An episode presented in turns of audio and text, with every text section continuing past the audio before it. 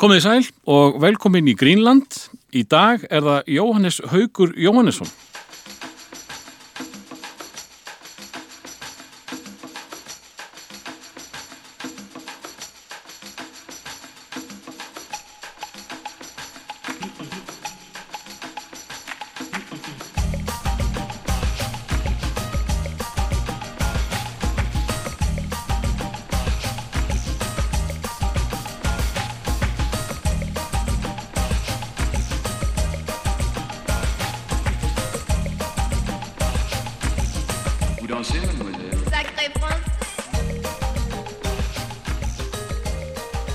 Velkomin Jóhannes. Takk. Ég, hérna, er ég ekki svo fyrsti sem að hef eiginlega svona vælt mig inn á að koma? Ég ætlaði ekki að segja þetta. Við verðum eiginlega bara að reynsa það strax. sko. Já, þetta er, já, þetta er óskalag. Þú, þú vildi vera með. sjálfum mér. Við hittumst í grillveislu Já, núna á lögadaginn fyrir nokkru dögum. Þú varst samt ekki beint að byggja með þetta, þú varst meira að hissa á því að ég var ekki búin að tala við. Já, að ég mitt sko, ég er búin að hlusta á allar þess að þetta. Já, Hlusta mikið á podcast yfir höfuð. já, þú ert svona potmaður. Já, já, og ég hef, hef alveg verið svona að láta mig dreyma, þú veist, þannig að kannski ringir Dott einhver tíman í mig, það gæti alveg gerst. En var svo sem ekkert að svona með, með neitt nút í maganum með því. Nei, En svo sé ég allt í einu Guðjón Davíð Karlsson. Og það er maður sem að ég hef, ber mig alltaf saman við. Við höfum, við höfum fylgst svo mikið að, sko. Hann gói. Og þá hugsaði ég bara, þá kom bara, af hverju ekki ég?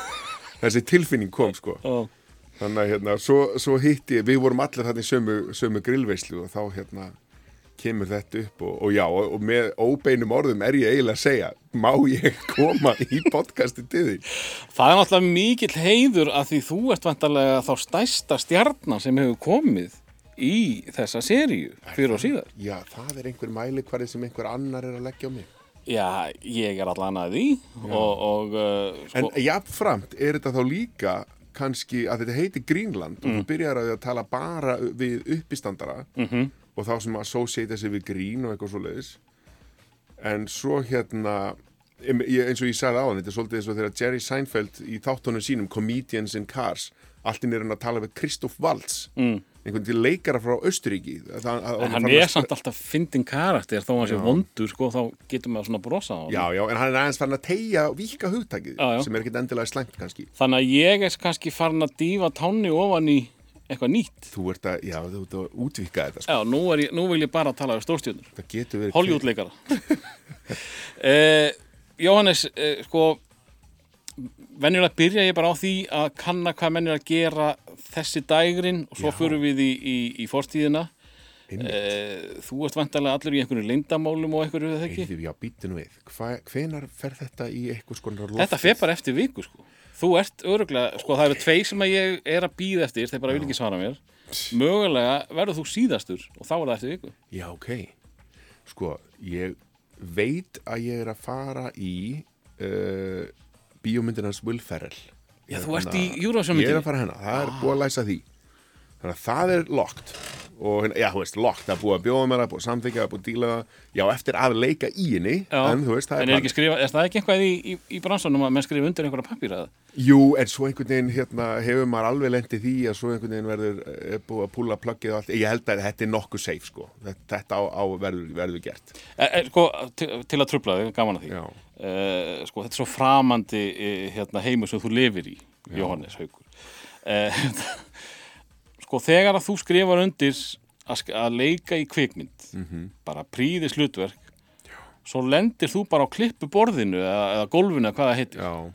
Þú farið alveg mikið borgað alltaf, eða það ekki? Já, jú, jú, það, þú Já. safe með það sko. Það Ok. er þess að eru umbóðsmennir og lögfræðingur og allt þetta. Þú, og meiri segja núna ef að þessi myndir er ekki gerð þá er ég örugur með ákveðna greiðslur. Og, Er það já? já, það, Það er eitthvað búið svona, svona, sko, trygging. Já, það er búið að frátaka tíman. Það, Já, það, ég skilði, ég skilði. Það er svoleiðis. Og meiri segja núna nýlega þá var með búið hlutverk í bíómynd sem átt að taka upp í oktober sem er óvinni góður fyrirvari. Með, það var búið núna í júni óvinni góður fyrirvari. Er það mikill fyrirværi? já, það er mikill fyrirvari, já, já. Yfirlega, já, stundum er þetta eitt, tveir mánuðir en þetta er alveg nokkri, þó nokkri mánuðir og þetta var bara hérna alveg bíómynd og fylgta peningum í myndinni og ég bara bjóða mér ágætis laun og allt það, datara. svo bara á loka metrunum á hérna samningaverunum þá bara er allt einu hætt við allt, þá fara einhver svona dóminu áhrif í gang, þá var einhver stórstjartan sem var eh, tengd við aðalutverkið, hún datt út. Og þá einhvern veginn fyrst að hann var ekki þá er einhver eitt fjárfestirinn sem fer út líka og þá bara einhvern veginn, þetta hrinur ekki beint en þetta frestast, nú þarf að finna aðra stórstjórnu Ah. það tekur alltaf einhverja þrjá fyrir mánu þannig að þá eru bara allt off the table af því það var ekki búið að klára dílana og En, en, hvað stendur þú þá? Þú ert búin að samþykja já, að vera hann í já, oktober. þarna var ekki, það var ekki alveg búið að loka já, já, samningnum ok, sko. þannig að þú ert alveg í lausu loftið. Þú já, já, ekki- þannig að það er bara off the table Já, sko, en, já. en hérna já, já, En, en aðeins að, að þessu Eurovisinni, veistu Já. hvað þetta verður stórmynd? Veistu, hvað, hvað verður meik? þetta er Netflix mynd Já, og hann er að leika Íslending og við erum svona Íslendingarnir eru svolítið atriði í þessari bíómynd ég sko sá í handritinu að Íslendingarnir eru að halda sína 40 og þriðju undanúslitakeppni Mm. sem að hérna er nú ekki alveg rétt sko og við verðum að gera svolítið mikið úr því að við höfum ekki unnið þá. já við höfum aldrei unnið og það er allir þetta er sem er svolítið satt sko þú veist að vilja við, við þráum þetta svo heitt Já. sko Hann þekki greinlega íslensku söguna. Já, hann er, hann er giftur sænskri konu og þekkir þetta Eurovision dæmi svolítið vel og einhvern, ok. einhvern veginn velur hann Íslendinga sem söguð hetjurnar hana og það er þó nokkuð af íslenskum hlutverkum ég veit ekki alveg hverju verða með mér í myndinni en, en já, það er allavega 10-12 íslensk hlutverk sko. Og færðu, ertu með eitthvað skjáttíma? Já, já, já, ég á að leika þarna kynnerinn í íslensku undankefninni Alveg rétt, alveg rétt. Og það er, er það eina sem að þú ert með nelt núna í, í dag? Uh, já, það sem er líka spennandi sem ég mun vita þegar þetta kemur út er að ég er að fara til London á föstudaginn Já. uh, að hitta leikstjóra og framleiðanda þeir eru að bjóða mér Já. það er oft svona ú, Það er þeir góðs viti. já, þegar ég sem þetta er búin að senda inn pröfu þetta er einhver svona stór stúdíómynd það er, hérna, er Hollywood stjarnar bara on board og þetta er eitthvað svona eins og allt þetta á að vera eitthvað franchise. Það, það er alltaf framleitt kvikmynd á þess að, hún sé hlut af cinematic universe. Svona wishful thinking sko, svo kannski verður það aldrei. Nei, nei. en er að þeir segja það alltaf sko. Og ég er orðin held ég einn af tveimur eða þreimur leikurum í þetta hlutverk. Og þeir vilja hitta mig og þeir eru sko þeir splæsa leigubíl heiman frá mér út á leifstöð ég fer í, á, á sagaklass til hérna London þeir sækja mig, keira mig á fundin, keira mig svo tilbaka og ég kem aftur um kvöldi Og færðu legubíl líka heim já, og leigubíl líka heim, já Já. það var alveg, þetta komið í, í pókan, sko. já, nei, ég, ég hef farið á svona áður og það er ekkit endilega komið sko Nei. þeir, þeir, þá, þeir munar ekkit um þessar krónur uh, þeir bara vilja fá hitt einhverja tvo-þrjá sem eru eftir og þeim er alveg saman þó þeir þurfa að borga henni einhver flug og bíl og Er, en er þetta eitthvað, sko, sem að þið langar virkilega í, eða? Já, já, þetta er Þetta er franchise? já, sko, þessi þessi stærstu sko, bíómyndir, svona stórar það, það, er, það er svo góð laun í þessu um, svo er handritið þetta frábært og en, sko, þegar þú, hérna, að þú veist, með lítið hlutverk í, í risamynd, það er frábært líka. Það er frábært. Já. Frekar heldur en að vera með aðalhlutverkið í minni mynd. Já, það er eiginlega geggjað vegna þess að þá ertu samt frátekin í einhverja fimm mánuði sem er tekið að, sko, sem tekur að skjóta myndina. En þú fær að vera heima hefur alveg helling svo. svo bara flýgur til, þessi myndi tekin í London þá myndi ég fljúa til London hérna í nokkra daga, svo kem ég heim í mánuð, fer svo út í tvær vikur þetta er bara svona svoleiðis. En ógeðslega gott sko. Það er hérna maður maður verður að passa sér svolítið að missa ekki sjónar á því hvað það er sem maður, maður langar að gera sem er bara að leika í þessum sögum sem er verið að segja og allt það sko. Eh, sko, mér langar alltaf að fara nánar í það þegar þú tekur þetta stökk til útlanda, eh, en hérna, eigum við að fara bara í upphafið? á að fara að ífa upp Öll, öll, öll sárin. öll sárin og mér þætti rosalega væntu það ef að sko, þér líði illa meðan þú talar Já. og helst að þú það var, Ég hef ekki fengið neinn tár í nefnum einasta þætti. ég var að hlusta á podcastið þitt Mm. í dag þar sem þú tekur viðtal við hennar snjólögu neitt. Bragadóttur Nei, Nei, hún var í sama grunnskóla ég, viðstæðaskóla og hún sagði eina sögu ég er nefnilega á sko, ég, ég er ekki á hinum endanum af hennar sögu en af sambarilegri sögu er ég á hinum endanum. Henni fannst þetta var fyndið. Ég var grátandi á hinum endanum sko. Ok, komdu með það.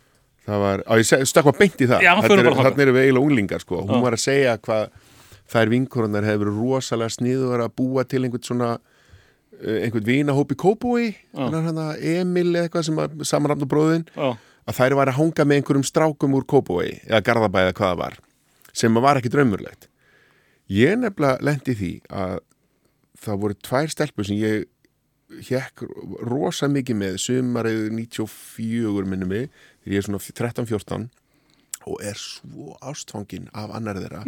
Bara að, að, að ég, er, ég er að deyja ég er svo ástfangin af henni. Og, og hún var alveg svona eftir á hyggja hún var ástfangin af mér. En hvort okkar gerði neitt í því skilur, við vorum bara alltaf saman og þessi vinkona hennar nema hérna einn daginn þá bara segja þær allt í einu já við erum komið kærasta. Og en ég hefði átt að sjá í gegnum þeim að því, að því að við vorum alltaf saman hvern einasta dag. Allt í einu bara já hún er byrjuð með strák sem heitir eitthvað með, og þessi sem ég var hrifin að hún bara já ég, ég með strák sem heitir Diddy einhver Diddy og ég gott ef það var ekki úr Kópói já, og ég bara, já, ok, og bara ég, augunum mig vöknuðu, bara samstundis. Ég fekk sting í magan og bara, já, ok. Já, já, ok já, ég var að fara hana eitthvað, ég helli skerðið eitthvað, uh. svo einhvern veginn bara afsakaði ég mig eitthvað og fór heim. Og ég grét svo mikið dotti, ég grét og grét, ég var svo sár. Því ég var svo ástofngin af henni. Og hún held þessu til streitu alveg, þú veist ég held ég hafi ekki fengið að vita sannleika fyrir einhverjum árum setna að það hafa aldrei verið neitt. Þetta var fullkomlega fiksjónal sko, var engin strákur. Hún bara bjóða til. Til að losna við ykkur eða? Nei, nei, hún var ástfangin af mér. Þetta var bara eitthvað, eins og snjólu segði bara, eh, búið til einhver Þú voru strákur áttið á því að ég held að sé þrýr mánuði sem ég talaði við snjólugu þannig að Já. ég er eiginlega búin að gleyma öllu sem hún sagði nema að hún sagðist að hafa verið hérna, skinka í, í Vestló. Já, og hérna, mér fannst hún ekki akkurat vera skinku típan nei. þegar hún kom til mín sko. en, En eh, svo, þú veist, reyndar ég og þessi stelpa náðum svo saman setna, að það hafi verið árin á eftir og eitthvað svona, þannig að við áttum alveg okkar moment líka, sko. já, þið áttuð ykkur ástafundi Já, já, já, þannig að það fór allt saman vel. En hvaðan er Jóhannes Haukur?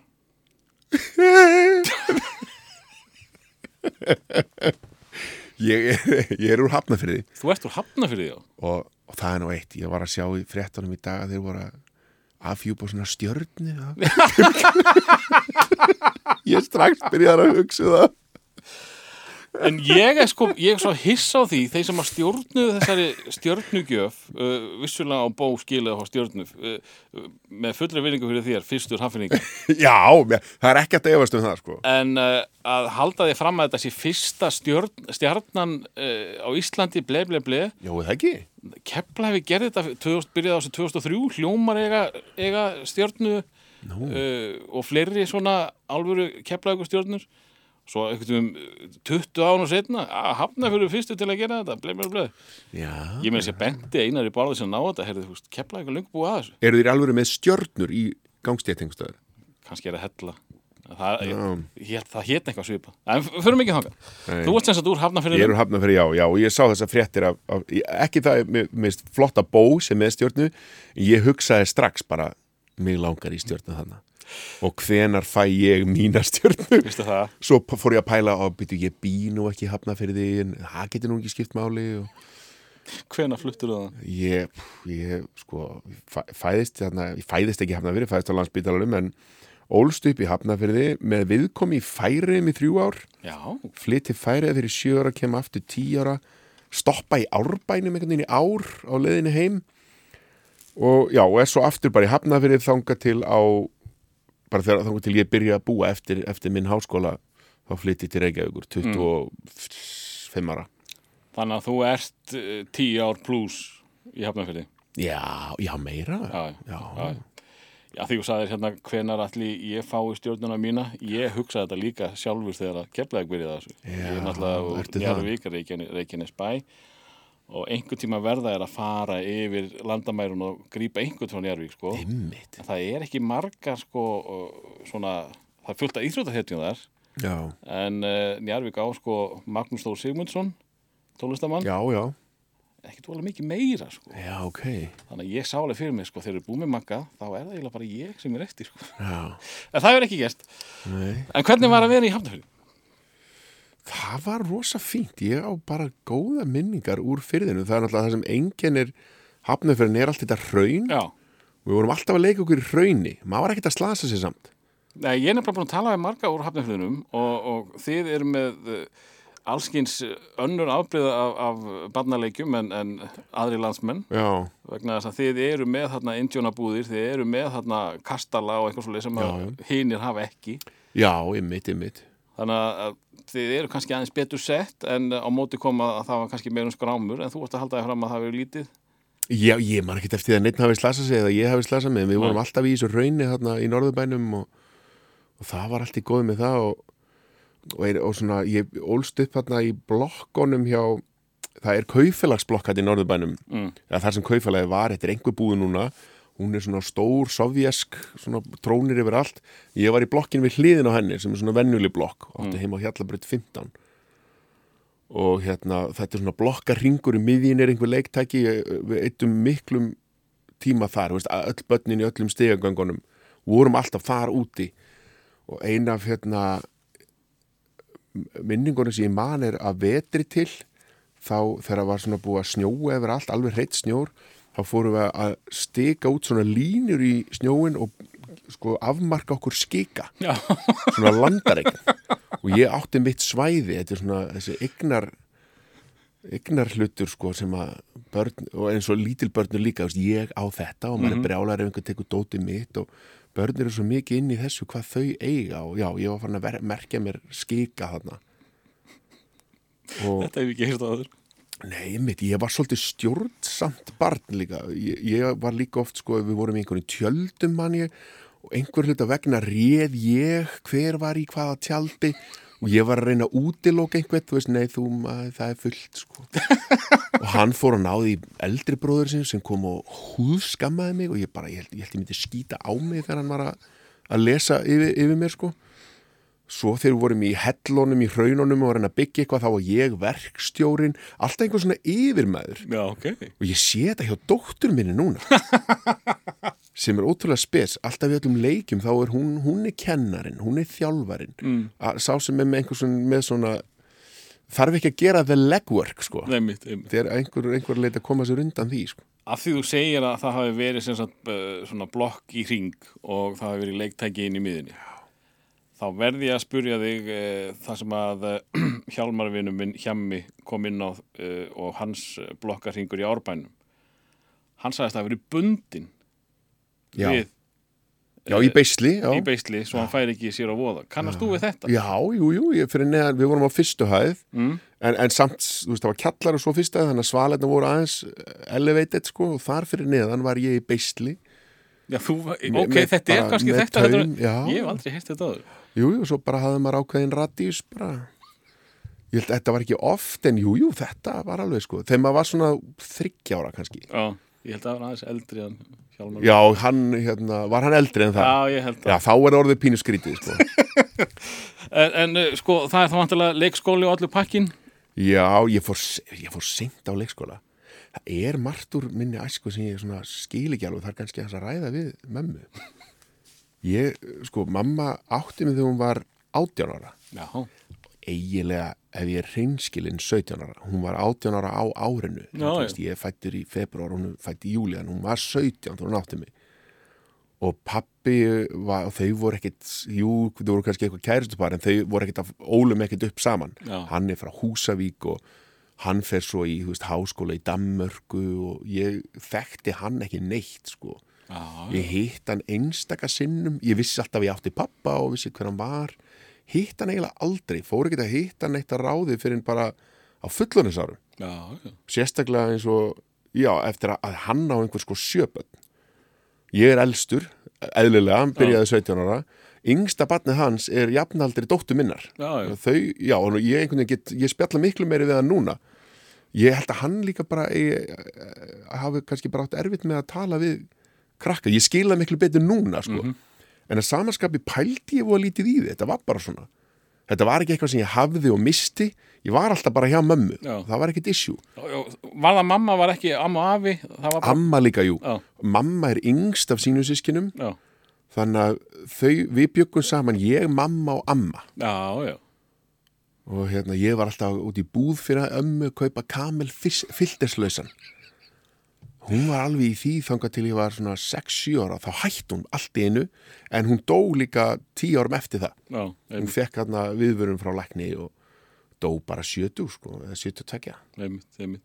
Eh, En þú tala um að hafa verið setna hinn á þessu?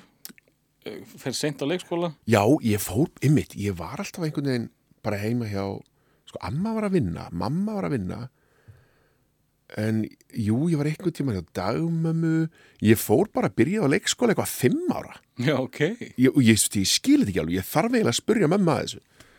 Það er hérna, það er margt sem ég þarf að spyrja mamma. Nei, og ég man það svo vel að ég var svo gamall, mér fannst þetta eitthvað svo skrítið, mér var svo misbúðið að ég þurfti að fara á leikskóla og á skýra minninga það var hérna, ég held ég að vera rosalega agalöst barn. Já, Mamma líka átti þegar hún var ung, einstæð, mamma var aldrei með, ég komst upp með allan anskota. hvað varstu lengi einn? Ég meina Eina hún, bandið Erstu kannski einbyrðið þig? nei, hún eignast uh, bróðu minn þegar ég er tíu ára. Já, ok Þannig ég hafði alveg tíu ár, sko. Bara prinsinn og Já, kongurinn ég, meina, ég mér langaði að vera heima, bara feikaði ég veikindi, það var ekkert mál. Hún hafði ekki tími að standa í einhverju vesinni. Ég var líka svo, veist hvernig börn geta verið persistent með þetta. Maður það bara að þrauka, þá fær maður sínu framgengt. Og ég var bara í því, alveg non-stop. Þurfti virkilega á aga halda, en hún, það skorti aldrei på kærleikan. Nei, Mamma var alltaf, þú veist, ég svaf uppi hjá mömmu þangað til, sko, ég bara skammast mín að segja það, sko.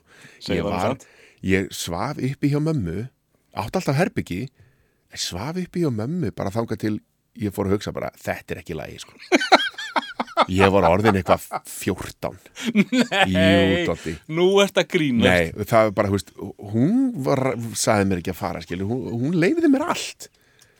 Þannig að, já, ég þurfti að segja, ég, já, ég fann hjá sjálf mér bara, ok, þetta er ekki lagi. Ég, ég var bara, mamma, ég ætla eiginlega bara að fara að sofa í mínu herbi. Ég bara, ok, hún er örugglega verið guðsljóndi veginn, einhver bara, þú veist, fullvaksta karlmann hann að vera liðin á sér. Bara, Jesus. Vissi þetta enginn? Hvað, hvað svo er félagarnir Æ, þetta var alveg leyndamáli, Já, ég hef ekkert verið að tala um þetta, sko. Nei, einmitt, Ég sagði konunum minn þetta fyrir einhverjum árum síðan og hún misti andlitið bara, Jésús þetta er ekki lægi sko. Þú ert að fókið mér nei, nei. Nei, ok. Og svo, eh, þú veist, þegar mamma byrjaði þú veist, hún eignast bróðu minn hana, þegar ég er tíu ára þessi gæi sem hún var með þá ég var ekkert að gúttera hann sko. Nei, þetta er mamma mín ég á þetta rúm. Já, þess, þannig að það var alveg ef hún ætlaði út eitthvað ég let hann alveg ha- hafa fyrir því sko. ég fór að gráta og var allt einu komið hýta og bara það, ég var óþólandi Þannig að þú byrja bara mjög snemma að vera álfur leikari. Já, já. En, þú veist, og einhver leiti er þetta líka bara henn að kenna, skilur hún, maður, þarf, maður finnur það sjálfur sem fóreldri þú stjó- stjórnar þú sjálfur hvaða ramma þú setur börnunum. En hérna, já, þetta hérna. En, en sko, ég var rosalegur þetta agalust barn sem að fyrir seint í leikskóla og Já. er bara ekkert uh, sátt við það að, að mæta hérna nánast ánu fullorðin í, á leikskóla þetta er fáránlegt, sko. Hvernig var það þegar þú byrjar í skóla? Því það er náttúrulega yfirvald sem að tekur ekki, þú getur ekki leikið það svona grátt. fyrsta skóladaginn Já. þá saði ég við mömmu að ég vildi ekki vera einn, sko hún þurfti að býða og hún dílaði við mig og hún myndi býða fyrir utan stofuna og fram á fullonins aldur þá held ég að hún hefði gert það. Já, ok. ég, man, ég var einhverju fjölskyldubóði og var bara, mamma, þú varst nú þú lést svo mikið eftir mér, manstu þarna fyrsta skóladaginn, þegar þú beðst fyrir utan allan daginn? Og þá sá hann jó minn, heldur ég hafi í alvörunni gert það? Þá bara, já, auðvitað ekki. Þá auðvitað fórum, hún sagði þetta bara. En ég einhvern veginn held að hún hefði verið fyrir utan allan daginn. En, en jú, en, skóli var eitthvað svona ég, ég átti einhver vandræði með að hefja skólagöngu, ég vissi einhvern veginn að maður þyrfti að gera það og en jú, það, ég átti alltaf við agavandamál að stríða í skóla. Já, ég fekk all, alltaf ágætis gekk, var ágætis námsmaður en alltaf fekk ég hegðun bara ábótavand trublar í tímum bara hérna, já, aldrei góð einhvern Var það þá, voru það þá læti eða var það trúðurinn? það er trúðslæti Þetta var trúðurinn, þú vildir aðtiklina já, alltaf að reyna að vera sniður og með eitthvað grín og bara, bara kunna sig ekki. Og þetta hjælt áfram alveg þangað til bara í listaháskólanum þegar ég er komin í leiklistaskóla. Að því þar er alveg bóklegir tímar líka. Það var kennari þar sem bara fekk nóa mér sko og hérna ég man ég fekk einhverja engun frá honum og, og tekið svona um jólin einhver svona fundur með kennara. Og þar sem hann misti svolítið stjórn á skapi sínu sko. og hann bara það er ekki hægt að tala við ykkur? Það er sama hvað maður segir. Þá var hann að reyna að vera einhverju svona fræðilegri greiningu á framvindu sögu og, og ég var alltaf, já ha, og hann er bara þannig og þetta er svona. Já, hann ætti nú bara að halda að það væri bara svona og alltaf með eitthvað djók og það er ekkert að komast eitt áfram með neinar umræðu þegar það er endalaust einhver að grínast. Mm. og hann bara brjálaðist um mig. Og þá svolítið svona, svona fór ég aðeins að reyna að, kunna haga mér í kringum fólk. Þetta, þetta er bara en rúmlega tvítur sko, þegar ég byrja að fatta þess að þetta er Þannig fólk, fólk fílar þetta ekkit alveg.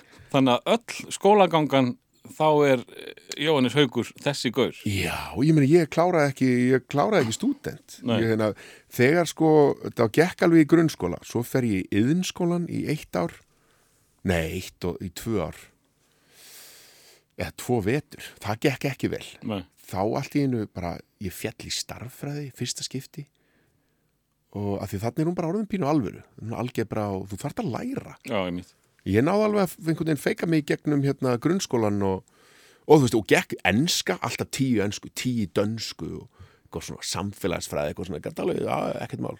Náði öllu, sko, og þú veist, fekk sex í starffræði en, þú veist, náðinni. Mhm. En já, svo byrjaði þetta að ganga illa þegar ég fór í yðinskólan. Hætti í yðinskólanum.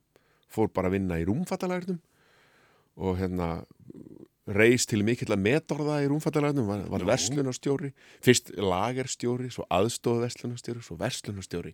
Þá keiknaði ég undan álæðinu. Ég gæti verið verslunarstjóri í þrjá mánuð, 19 ára gamall og hérna bara gæti ekki meir. Ég hérna endaði bara grátandi inn á skrifstofu, inn á skrifstofinu minni, 19 ára og það bara, ég geti því ekki og fór bara og sagði upp. Er svona rosalegt álag fyrir á, á Já, ég meina að reka heila verslun og vera með einhverja starfsmenn og panta í heila búð og þetta er bara, ég gat þetta ekkert sko. En þú ert fann að hlaupa fullt mikið fram á þér. Uh, Já. við vorum bara nýbyrjar í skóla þegar þú ert allt í unni farin í, í rúmfættalæðinu. Já, einmitt. Uh, Já, ég flytti hana til færi og allt sko. já, ég var til að staldra aðeins við, eh, kannski áður með fyrir til færiða. Já.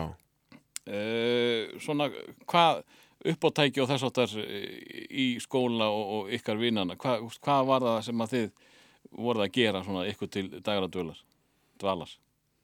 Mm, til dagra styttingar, sem að það ekki. Jú, Dagra döl og svo dagra stytting. já, Uh, fáið það var, ég var alltaf í þessum, alltaf í þessum hrauni. Það Já. var hellir sem við áttum vinn í honum.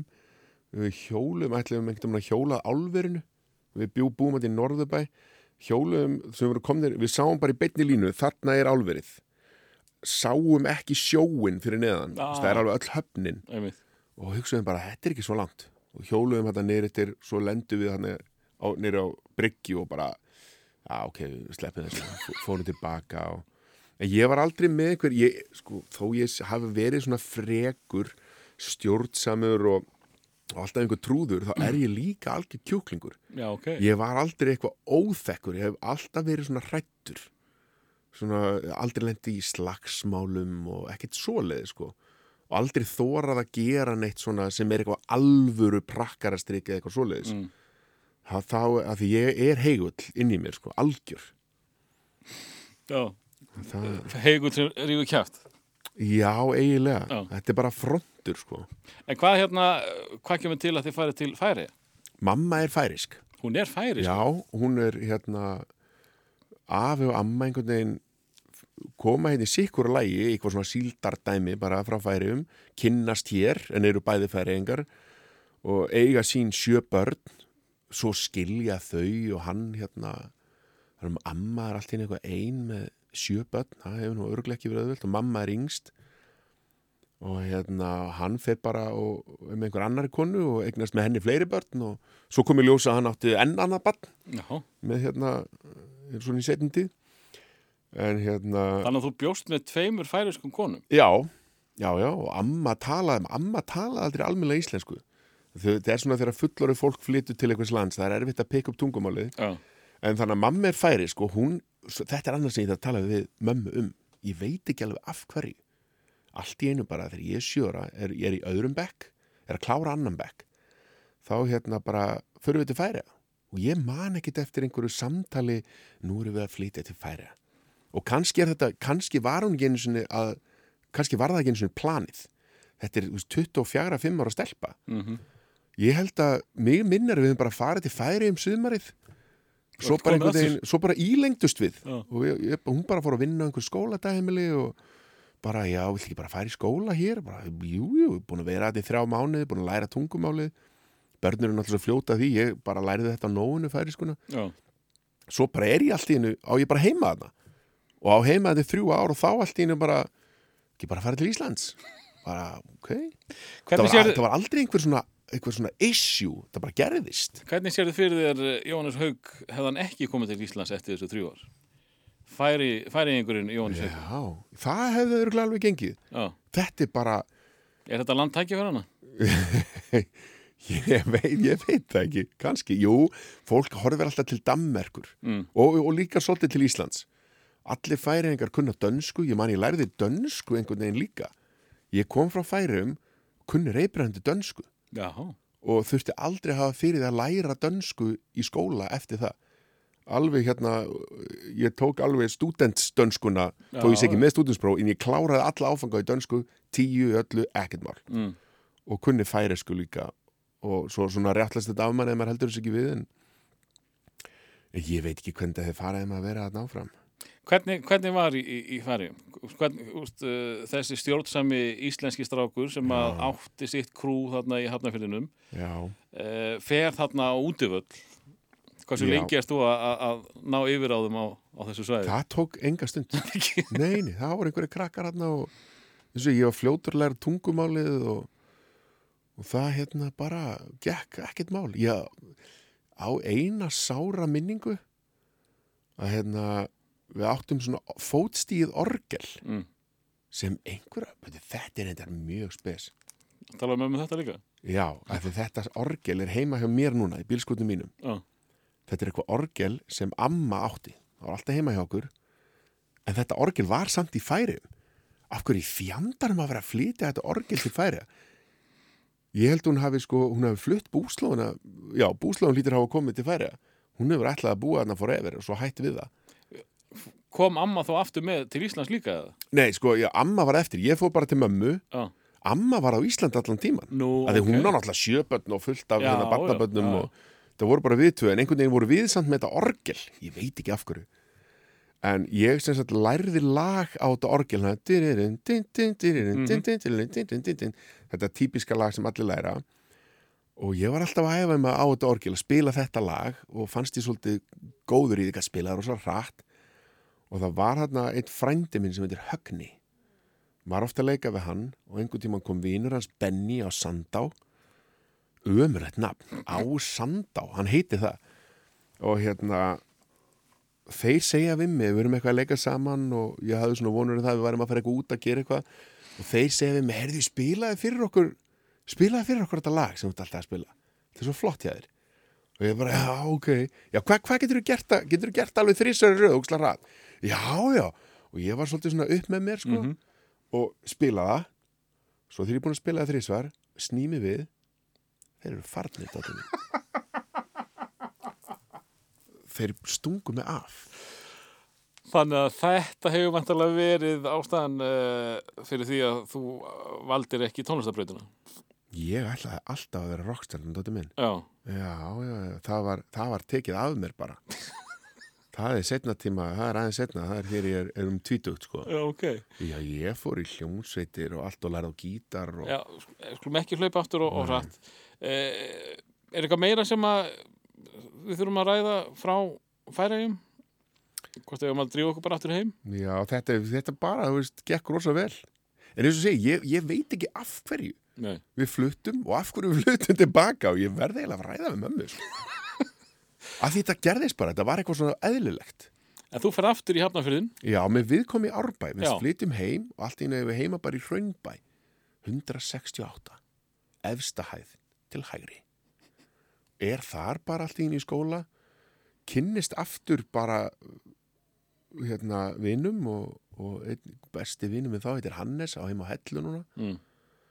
og svo förum við einhvern veginn, erum þar í svona eitt og hálft ár svo förum við í Hafnafjörðin lendum þar Á svipum staðið Nei, þá á skúlaskeiði en það er sami grunnskóli, það er rétt hjá sko. það er ekki í Norðurbænu, það er hjá helliskerðinu Og náður að, að eh, vinna sætið aftur í, í gamla krúinu þá? Já, já, það bara, þetta var mjög mikið sama lið. Og þar kynntist ég líka þannig er ég í sjöunda bekk. Og svo man ég þegar áttundu bekku byrjar, þá byrjar í unglingadildinni fyrsta daginn í áttundu bekk þá hérna, er að byrja strákur sem var líka búin að vera í burtu í hérna, hann búin að vera fyrir austan, nei, fyrir vestan í einhver tvö ár sem heitir Kjartan. Og fyrsta daginn í áttundu bekk þá ákvaðum við að sitja saman. Og við erum alveg bestu vinnir enn það dag í dag. Já, og við hittumst ennþá reglulega og við vorum bara saman og við lærðum að spila saman á gítar. Og hérna unnum við það í, störfum við það í mörg ár, vorum alltaf að spila á Ara í Ögri og fleiri stöðum sem svona trúbadora duett já, já. Og hérna, já, þannig að það já, átti, var, átti alltaf góða vini í kringum mig, hvert sem ég fór sko En þú ert komin hann í áttundabekkin uh, ánum við förum að sko dettum að, að einhverju viti inn í úlingin já, það er erfið ármaður Þau voru skemmtileg já, já, já, Já. já.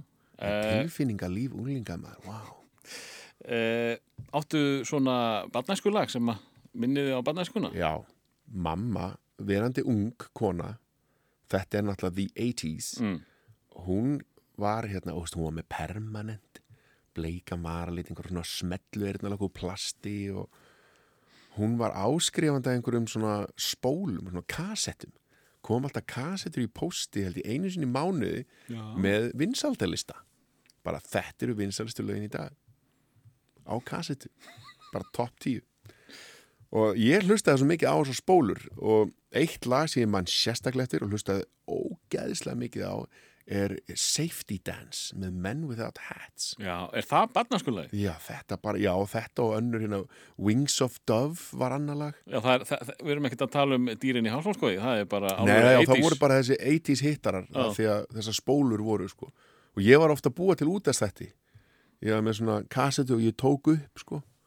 Já, erst, já, fórst í það? Já, þetta er hérna útastáttur og ég var með einhvern vinn minn með mér og þessar upptökur eru til, sko. Já, það. Mjög skemmtilegt. Eh, þú segir að þetta sé til, hversu mikið vesen er að finna það? Sem við gætum kannski bara laumað í. Það, já, Núna það reyndar, ó, nei, það væri mjög mikið vesinn. Já, ok. En heyrum hér þá uh, Man Without Hats. Það er eitt sem ég, ég man einn kynni, útaskinningin var þannig, ég er hérna eitthvað fjara eða fimmara og er að segja við Davíð vinn minn, er að rómersku rittari er, er eðstinn í Rjómaborg, rændi og rupplaði, ratísum og róm, hvað er mörgar í því? Og hann bara eitthvað, ég veit það ekki, ég taldi þau ekki. Og ég segi, það er ekkert. Og hann segir, ha? Jú, róm, það er R. Þá sagði ég, já ok, þá er eitt. Veist, en ég skildi ekki einu sinni brandarann. Þetta, eh, ég verða að grafa þetta steffi upp, sko.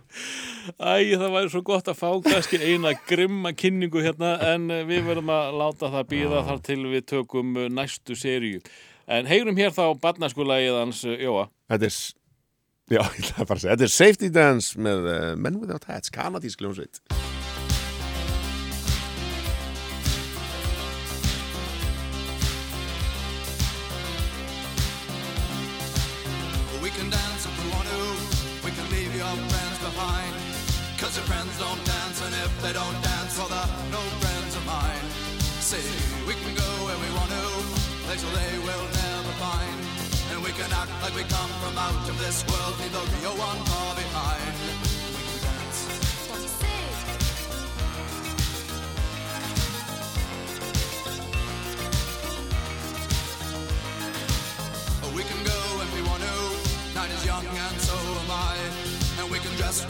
From our hearts to our feet and surprise them with a victory cry.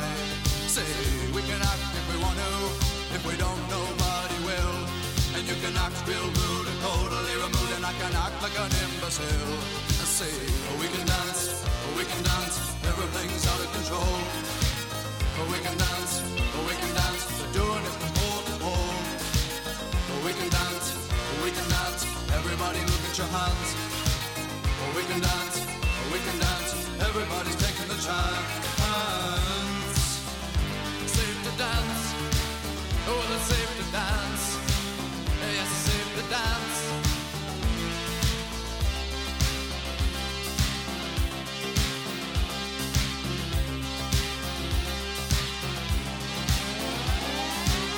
We can dance if we want to. We've got all your life in mind. As long as we abuse it, never gonna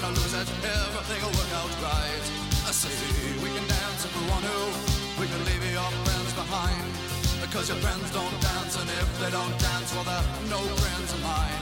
I say we can dance, we can dance. Everything's out of control. But we can dance, we can dance. We're doing it from pole to pole. We can dance, we can dance. Everybody look at your hands. We can dance, we can dance. Everybody's taking a chance. Well, it's safe to dance. Yes, it's safe to dance.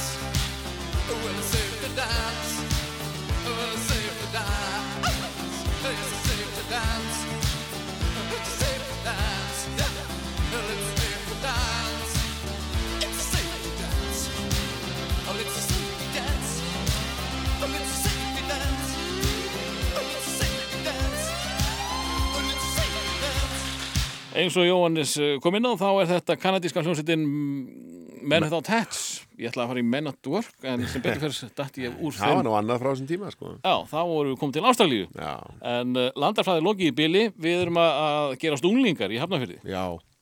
og uh, þá spyr ég uh, bara aftur hvernig unglingur var Jóhannes Haugur Þá óörugur, ef við sumum það upp í eitt orð. Og ég er hérna í viðistæðaskóla, mm. sama skóla og snjólög. Já, Og það sem gerist er að þeir sem er í viðistæðaskóla, uh, þeir saminast öðrum skóla í unglingedeld. já, Þess, það er ein, skóli sem heitir, kannski er þetta öðru sem núna, allavega þá var skóli rétt hjá sem heitir Engidalskóli. Mm. Hann bara hætti í sjönda og þá komu allir þeir krakkar sem voru Engidalskóla og áttundi bekkur, níund og tíundi, það er sko Engidalskóli og Viðstofskóli saman. Þannig að það er fullt af nýju fólki og þú veist, bekkir, þú ert kannski í bekk með einhverju liði sem þú aldrei séð áður, svolítið eins og verið í nýju skóla, mm -hmm. þótt þessi sami skólinn. er fullt af nýjum sætum stelpum með það ekki? Jú, jú, Já, jú, já, jú, jú, jú, og ég meina, en það, var ekkit mikill, maður varði ekkit mikið ágengt þar, sko. Veitu, varðstu óöryggur með nýju fólki? Uh, þetta er ekki og hjálpað líka, að... og líka í þessum skóla, það hérna myndaðist svo skýr einhvern veginn hýrarkía og grúpur. Mm, Það var hann ákveðin hópur af fólki sem bara, þau eru töff. Við vitum það. Bara Varst þú ekki þar? Nei. Nei. Og veist, og þau reyktu mörg hver og, og veist, jú, ég byrjaði að reykja og var aðeins þar og sko stundum fekk maður að vera með þeim. Maður var alltaf, voru, ég var í einhverjum svona hópi sem datt einhvern veginn svona milli. Suma daga var maður fyrir barðin á þeim, aðra daga ekki. Þá kannski tók maður þátti að leggja aðra í einhelti en svo einhvern veginn snýrist aftur við en það var ákveðin hópur sem maður vissi þau eru in control, þau fara aldrei lenda aldrei undir svo er hérna ákveðin hópur sem að er einhvers þar á milli og svingar og ég var þar svo var hópur af bara þið eru nördar Mm. þið er ekki sjens þið sitið á bekknum fram á gangi og að þið var matsalur nördarnir eru á bekknum fram á gangi þið komið ekki hér inn og þetta var bara einhvern veginn unspoken Inn Þetta í- hljóma svolítið eins og amerísk Já, háskólamynd já, eitthvað. inn í, inn í matsalum þar voru ringborð maður gæti alltaf verið þar Mm. en það voru líka leðursófar Og þar var flotta liðið. þar fóst þú ekki sko. Nei. ég held ég hef fengið að sitja þar eitthvað tvísvar og ég man allan tíma var ég bara shit, ég er komin hingað og hérna, já, ótrúlega spes og svo var líka hópur af fólki sem var í íþróttum og þau dotti, þau voru bara utan við þetta allt saman Nú, já, og maður einhvern veginn svona ekkert með í pólitíkinni Nei, og maður bara skinjaði bara, já, þau eru bara stikkfrí, þau eru bara í sínu. Og þetta er bara málið, sko. Haldu börnunum í íþróttum. nákvæmlega að því að ég og fleiri, ég var ekki neinu. mm. Þannig að maður hefur bara einhvern veginn allan tíman í heiminum til þess að vera að spekula í einhverju svona félagsleiri hýrarkí og þetta er allavega, blastið þetta svona við mér. Þau kannski upplifið þetta öðruvísi en, en já, ég, ég sá bara að það var þarna hópur af íþróttafólki sem var bara í handbólt og fótbolt og, og þau voru með, þá voru stelpur þar á strákar og það var bara eins og þetta var bara einhver önnur vitt. Þau hérna bara voru ósnertanleg já, og voru ekkit, voru bara líklað, þau voru bara sínu en hérna, einmitt, en ég var í þessum einhvern veginn, við upplifðum allavega þannig ég væri svona mitt á milli og, það var svona stöðut barátta hjá þér að- reyna að vera þá Já. réttu megin við strikið og átti þú veist vini sem voru á bekknum fram á gangi já, reyndi þá ekki vera mikið með þeim í skólanum meira svona eftir skóla, þetta er rosa ljótt sko. já, en hérna, maður er bara að reyna að tróða marfaðan, sko. maður er að reyna að halda sér above water, sem að kapni ekki sko. einmitt þetta er hérna, já, rosa sérkynlegt og svo kannski kom tímabil þar sem maður einhvern veginn upplýði sig sem konginn og, og sérstaklega þetta var erfiðast í áttundabekk að þú, þá ertu líka með eldri bekkina Mhm. svo níunda og tíunda bekk þá ert þú allavega í elsta bekknum. Þá er þetta allt miklu auðvöldara já, hann færri fyrir óanvæði allavega. Já, já, ég hef hitt fólk sem var með mér í skóla sem var í áttundabekk þegar ég var í tíundabekk það er ekki sjens ég mun eftir þessu liði. Ég kannast ekkit við þau. Að því maður er bara í sínu. Og ég líka hengdi mig á, ég kynntist þarna strák. Ég, þessi kjartan var alveg minn, minn besti vinnur en svo var það annar sem heitir Ómar. Við vorum rosalega góða vinnir og hann var hann var finnasti maðurinn í skólanum. Og hann var hérna hann svona var hann lendi aldrei undir. Hann var uppáhald allra, hann var svo fyndinn og mér fannst svo gamla að vera með honum, við vorum rosalega góði vinnir og ég var oft svona, já, ég var svona hans hérna, ég var svona aðstofamæðurinn hans. Já. ef hann var Conan, þá er ég Andy. Já, og ég man að það var mér það var kostning sko, fyndnasti maður hérna, fyndnasti maðurinn í skólanum og ég lendi í öðru sæti þar. Já, og hann var í fyrsta. Og hérna, þannig að við vorum og þetta var í tíundabæk, þá var maður orðin djókarinn sko, það var dragkeppni ég fór í hann, tíundabækur fór ég alveg út úr skelinni sko. Já, ég er dragdrottning viðstæðskóla 96 já, já, já, já. og þá var sko, þarna var ég byrjaði, að, ég byrjaði þarna með kjartan að læra á gítar og sko ekki, bara sjálfur mm. Nú svona þetta upp sjálfur og við tókum þátt í söngkeppni hérna í tíundabekk unnum, unnum hérna það svona, unnum, þetta var karaoke-keppni Já. félagsmiðstöða unnum í Vitanum sem er okkar lokal fórum svo hérna landslæga keppni og urðum í öðru sæti. Ég hef alltaf lent í öðru sæti. Svo tók ég þátt í ég tók set- setna þátt í söngin við framhalskóla vann í Flensborg lendi svo í öðru sæti í aðalkeppninni. Nú er það. Já, alltaf manstu hverju vann? Já, það var hann Sverri Bergmann með án þín já, já, já. Það ekki- aldrei séns. Nei, nei, nei, áttir aldrei séns. En sko, af orðum þínum að dæma þá virðist það vera tónlistin sem átti hugðin mikið frekar en leiklist á þessum tíma. Já, það var hérna Já, algjörlega, ég pældi ekkit í því að vera leikari sko. Það var hérna Kjartan hafði farið í tíma til Óla Gauks. Mm. Og átti blað með mynd af hljómum og átti gítar. Og við byrjuðum 14 ára að kíkja hans á þetta.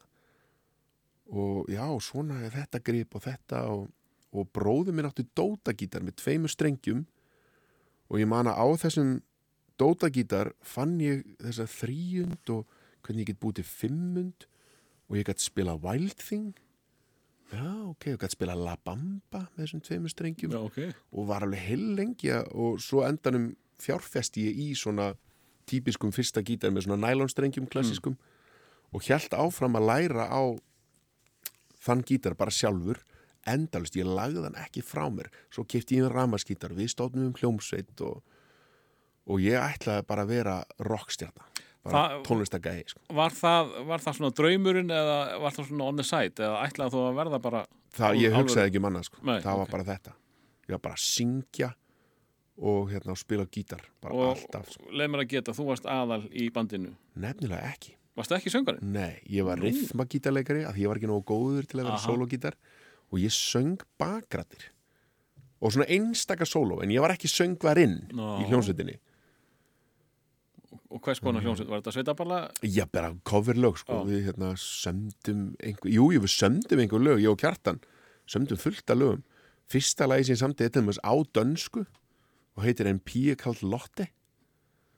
Það var mannin på stranden og eitthvað svona texti, sko. Já, En hérna, já, svo þetta fór nú aldrei neitt á flug, sko, og hérna, varð aldrei neitt úr þessari hljómsveit svo sem, en, en trommuleikarinn okkar, hann var, sko, tveimur árum yngri við og var svoleiðis langt um betri hljóðfæraleikari en við nokkuð tímar, hann var svoleiðis ljós árum á undan okkur.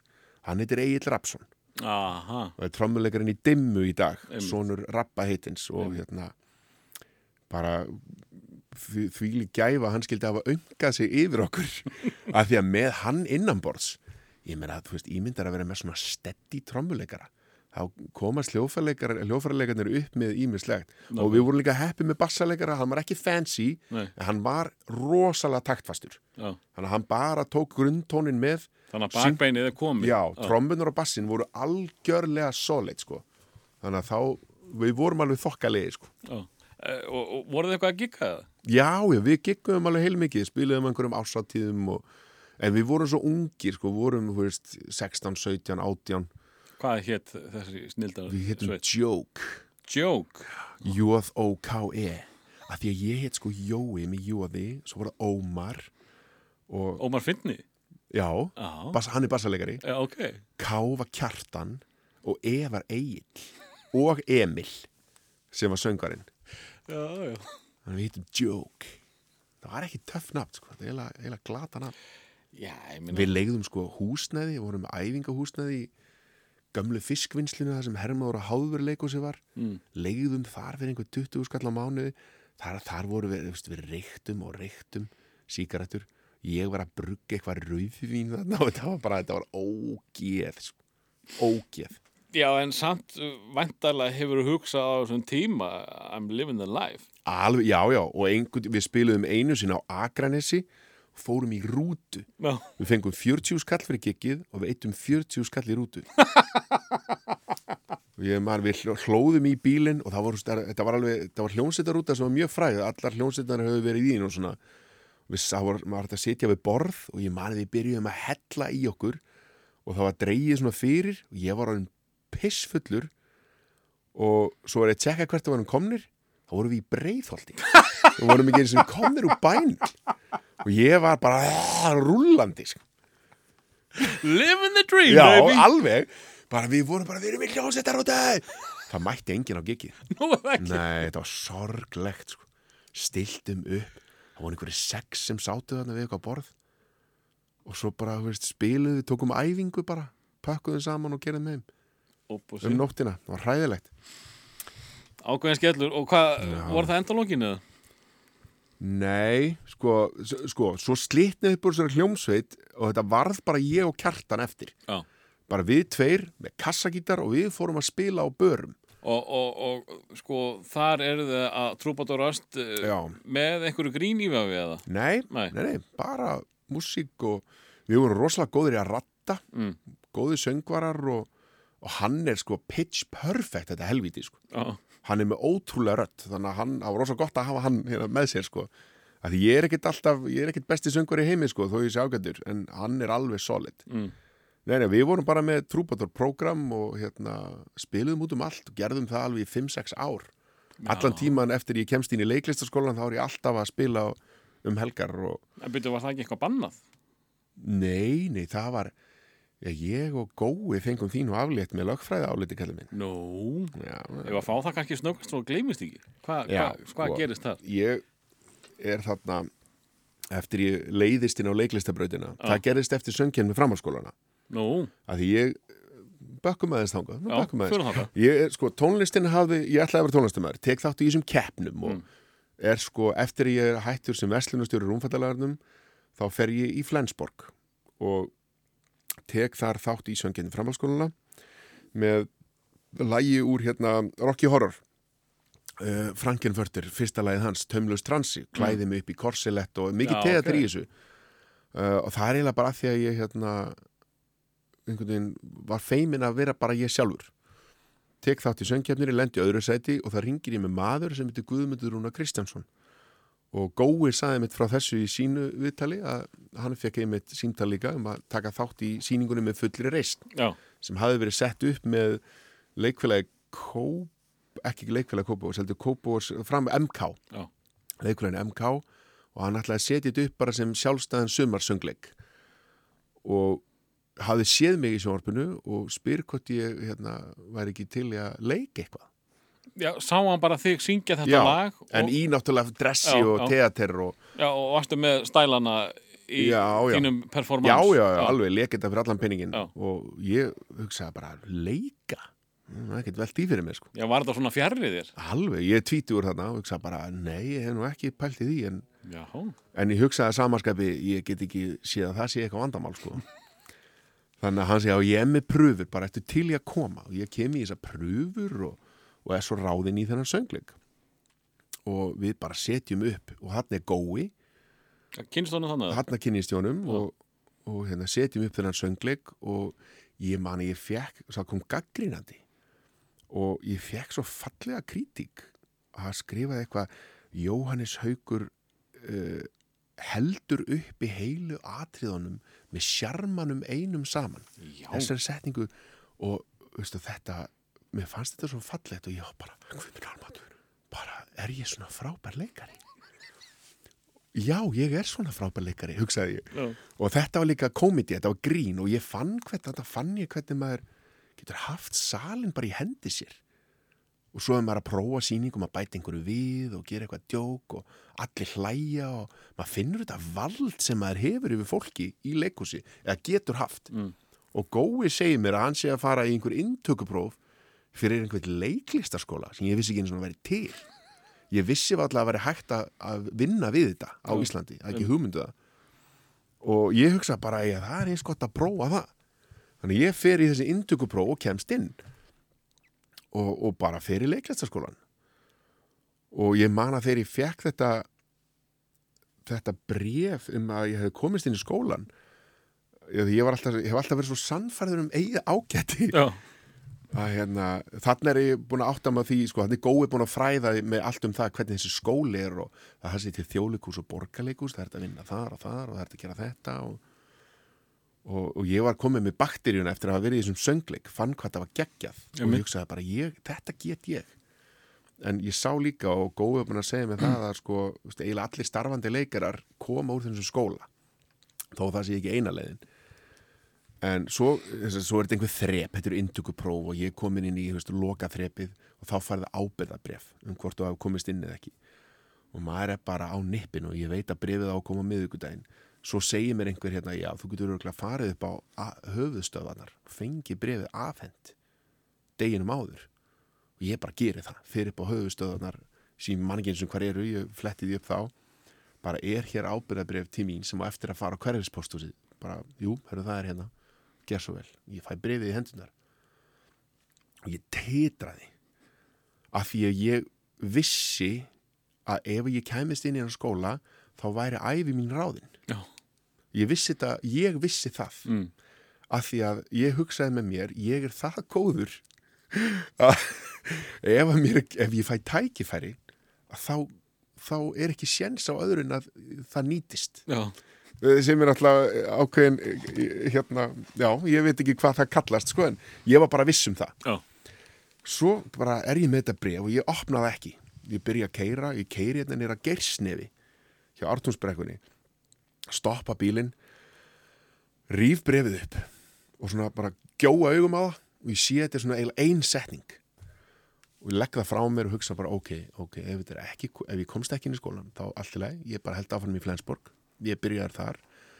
Búið með 36 einingar til stúdinsprófs á 100 eftir. Ég bara held áfram mhm, að gera það.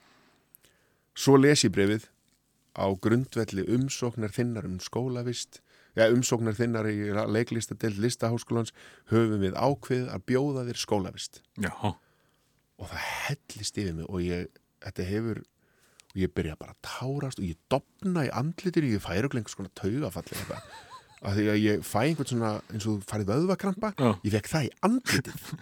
Og þetta- hefur ekki komið fyrir mig eftir þetta. Og bara, já, fæ einhvern veginn veðvakrampa, fer út og bara ó, græt og að því ég veit að æfi mín er ráðin. Sem er ekkert gefið, ég hef alveg skett að klúra þessu. En, en já, jú, jú, svo bara eh, 20 árum setna er ég hér og er ennþá að starfa við þetta. En, en jú, jú, svo förum við mitt í skólan og varandi þetta lögfræði álit Já, ég og Gói erum þarna byrjum á fyrsta ári svo er bara, eru inntökupróf um hérna sumarið í sumarsöngleik. Bara Birgit og Jóns er að fara að leika Sandi og Danni í grís. Aha, bara förum í inntökuprófin og ég hugsaði bara, það er ekki sjans að við fáum ekki þessi hlutverk. Ég hugsa, veistu, ég hugsa þetta alltaf. Og meiri sem núna, hvers skipti sem ég beður eins og þessi pröfa sem ég er að fara í á fö- föstudaginn Mm. Ég lít alveg á það sem formsatriða því að ég, ég einhvern veginn veit ég fæ þetta hlutverk. En svo er það samt þannig ég fæ fullt af neyjum. Mm. mér einhvern veginn bara, ég sópa því bara frá mig það skiptir einhver máli, Mm. það er bara on to the next one sko. og það held ég að sé bara heilbreytt viðhorf. Ég er alltaf viss um það að ég sé búin að negla þetta því ég er in the room. Mm. og þar að leiðindi er ég alltaf bara að geða þetta rólegur. Að því ég er svo viss um eigið ágæti sem er alveg nett klikkað. Já, við förum í grís og þarna er sko komið það er framkomið bann sagt, nema um sumarið, þú mátt vinna á sumrin. Já, já, og að við leikum í grís um sumarið. Þetta er mega hittari, fullt á öllum sýningum og svo er bara veturinn að byrja. Þá er framkomið bann við megum ekki verið þessari sýningu. Þá þarf að finna einhverja fyrir okkur í þessa sýningu og Gunnar Helgason, leikstjóri sýningarina fyrir að talar við rektor listaháskólans um að við séum svo mikilvægur partur af sýningunni, við erum í stórum hlutverkum hana, við erum hluti af The T-Birds.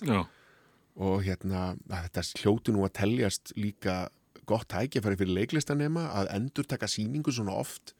Og þetta er auðvitað bara um helgar og, og rektorinn þáverandi sagði við Gunnar Helgason uh, við erum ekki að búa til sirkusapa hérna, heldur listamenn kalla okkur já, kalla okkur ekki sirk, sirkusapa en að þessi vinna væri Kalla meira í verk ætt við- allavega, já, þetta eitthvað væri sirkusapa jobb sko mm. og þetta leiðist okkur ekki uh, við vildum ekki taka því hérna liggjandi sko. en, en þetta týðkaðist hvað, hvað Já. fekk eitthvað til að hugsa herðu, við, við ætlum ekki að taka þessu vegna þess að í þessum skóla koma oft svona uh, kemur stundum fólk sem á erfitt með drikju og fíknefni fá, það fólk fær alls konar sens mm. við vorum þarna með 100% mætingu. Aldrei mætt seint. Sinnum öllum verkefnum. Áhuga samir duglegir. Og þá að banna okkur að vinna. Mm. við erum ekkert að fara fram á neitt frí. Og veist, við erum ekki að sleppa því að mæta þegar við erum þunnir eða eitthvað, eitthvað kjaftaði og við fannst þetta bara ósangjart og við skoðum þetta vorum að tala við aðra leikara og þeir segja, jú, þetta kom þetta er sett á í gamla daga þegar leiklistaskólinn var inn í þjóðleikúsinu og þá var verið að nota nemyndur endalust sem ókipis vinnuafl. Þá var þetta bara, nei, nei, nei, það er bara framkomu bann en það, það er allt annars eðlis. Mm. þannig ertu bara að banna mér að vinna. Og Gói segir, herðu, ég, ég á frængu sem er hæstaréttalög með þér til að tala við hana. Henni var svo misbúið að hún skrifaði fimm blaðsina greinagerð fyrir okkur um það hvernig þær var að brjóta okkar mannréttindum. Bara vísun í lög og annað við afhendum þetta bara eh, til hérna á skrifstofuna og í kjölfarið er framkomu banni listaháskólans aflétt bara hér eftir Já, af brut þetta er ólöglegt sko. Já, þú mátt ekki banna fólki að vinna þannig að íslenski leikarar eiga ykkur svo mikið að þakka Já, já, já, já. Hérna, það má, það má segja það Doddi. En hérna, að því að eina sem skólinn getur gert er að setja reglur um, um sinn skóla. Mm. getur, við sögðum líka farið þið fram á 100% mætingu okkar vegna. Uh, hérna, en við ætlum að sinna þessu utan skóla. Og það mun ekki hafa neina áhrif á skólastarfið. Og, þa og það varð úr. Þannig að við heldum uh, leistum aftur af þá sem hefðu leist okkur af og meðan þetta var í ferli Þetta hérna- finnst mér magna, þetta er, Já, já, þetta er, þetta er, svona, þetta er svona, fyrir mér er þetta skúpa allavega. Eh, en við erum komið svo langt, uh, ert orðin tvítur og, og, og then some, eh, sko, erum við að hlaupa frá einhverju skemmtilegu sem að þú vilt minnast á frá unglingsárunum eða eigum við bara að hoppa í unglingalag? Já, unglingalægið er kannski svolítið lýsandi fyrir hvernig ég upplifið þessi unglingsár Mm. og þú veist, þessa hýrarkíu sem ég fann fyrir í skólanum sem að þegar ég var komin í tíundabekk uh, var ég svolítið búin að finna minn stað sem trúðurinn, Mm. þá var þetta allt auðveldara Hvert var ég framhaldsskóla? ég fór beint yfir í yðnskólan hérna, Já, alveg rétt, já. í tværanir, svo í rúmfattalæðurinn Mm. svo hrö- skrýði tilbaka í Flensborg en kemst svo inn í listaháskóla Mhm. og eins og sé, ég er bara með 36 einingar til stúdensprófs Mm. en er með uh, diplóma úr skóla lífsins og er, er með háskóla gráði í dag þannig að það er þannig að þetta stúdenspróf má eiga sig sko. En, hérna, en já ég, og það verður þessi stelpu vandræði sko, ég naut aldrei mikillar hvern hilli þó að ég hefði nú náð saman með þessari stelpu sem ég var svona ástóngin af þarna. Fyrsta þremur tárun sem þú ert búin að gefa mér í, í þessum Já, og þá sko lægið þegar ég fór eftir hún saði mér frá þessum ímynda kærastækinum þá fór ég heim og ég hlustaði á Everybody Hurts með R.E.M. það var nýkomið út. Ég átti þetta disk, bara öll lögin á þessari plötur er frábær. Mm. það er það lag eða það er eitt annað. Vegna þess að á skólaböllum þá voru allir að vanga. Ég vanga aldrei við neitt, aldrei. Það var bara, það bara var ekki það stóð ekki til búið Bötu, var það vegna þess að þú ættir eftir með að tengjast konum eða varstu of töff fyrir vöngun? nei, eða? ég var ekki dótt töff sko Nei. það var bara, ég átti erfitt með að stíga eitthvað skref Mm. og þær voru ekkert að sækjast í mig og hérna, ég man eftir vanga læginu það var Don't Cry með Guns N' Roses og ég stend út í hotni og er að horfa á hinn pörin vanga Mm. og þú er ekki að gera neitt en hérna en eins og sé, maður, ég, kvarta samt ekki vegna þess að ég, eins og sé, ég náði saman með þessari stelpu sem ég var ástfangin af og ég hérna átti minn fyrsta sleik með Hjördísi þegar ég var hvað var ég, 13 ára? Fyrir utan bílskurshurðina heima hjá henni. Já, mér fannst það svo skrítið með þér. Eitthvað tunga og tunga, mér fannst það eiginlega bara ógæðslegt en hérna það var sam, samt allt í lagi. Mér fannst hérna, svo, svo ég segi það nú aðeins já, við hérna, einmitt þegar ég var 13 ára þá vorum við eh, sko fyrir fermingu. Þá vorum við alltaf að koma saman bekkurinn, eh, eh, ákveðin hluti köllum okkur fjólublaða klíkan eftir, eftir hérna eftir hljómsveitinni sem að söng hérna fjólublátt ljós við já, barinn já, já. Eh, og það var alltaf farið í sann, sannleikanlega kontor og þar var sem sagt uh, kistu þennan. Og það var ekki tunga það, það, manna, það var alveg mínúti kors með enga tungu. enga tungu. Já, ok. Og okkur fannst þetta ægilega töf síðan kemur stúlka úr, úr Reykjavík í hópin og ég hérna er settur í, eitthvað, þú ætti að fara að kissa þessa. Þá kemur bara einhver tunga á mótið mér. Það er bara eitthvað ótrúlega sem ég hef upplifað sko. og hún hlusta á Flock of Seagulls það, þú veist, þetta var mjög framandi og glæsileg kona. Ég var bara að leta þess að mér vegna þess að, að þú varst að tala um fyrsta sleikin það var svo, það var komið í svona opna skjöldu. Einmitt. En svona gerði þið þetta greinlega í Reykjavík. Það var bara tunga. Nei, þetta var í Hafnafrið Þetta var í Hafnafrið, já. já, já, já, þið ég er alltaf, er alltaf í Hafnafrið þarna sko. og já, það er eiginlega bara þrjár stelpur á úlingsárunum það er þessi hérna hún er hún Elsa Mm. sem að átti ímynda, ímynda kærastan ditta elsku Elsa mín og það er Hjördís sem að það var svo stutt samt líka en, en það var fyrsti sleikurinn En byrju, fórstu ekki í sleiku Elsu? jú en það var setna sko. Já. Hjör, já, Hjördís var á undan, þetta var ekki réttir tímar Já, já, já. svo var það hún Berglind mín Mm.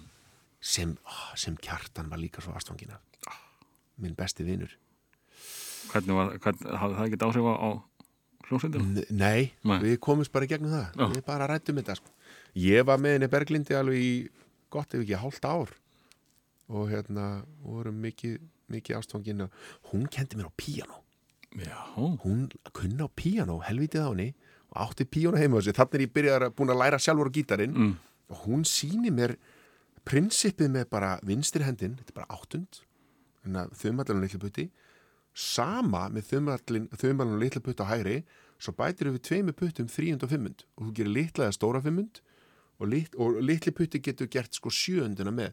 Og þetta er sko, þá gæti yfirfært þekkinguna af gítarnum yfir á píanóið. Mm. og ég eitti sko klukkutímanum heima hjá henni að æfa mig á píanó. Reyna að ná upp einhverjum þannig að hún hérna var farin að sjá í gegnum það að ég hefði meira áhuga á píanóinu heldur henni sko tímabili en já, úlingalægið er annarkvort Everybody Hurts eða eða hérna uh, Guns N' Roses þarna Everybody Don't Cry. Don't Cry. Uh, Er ekki Don't Cry svo langt?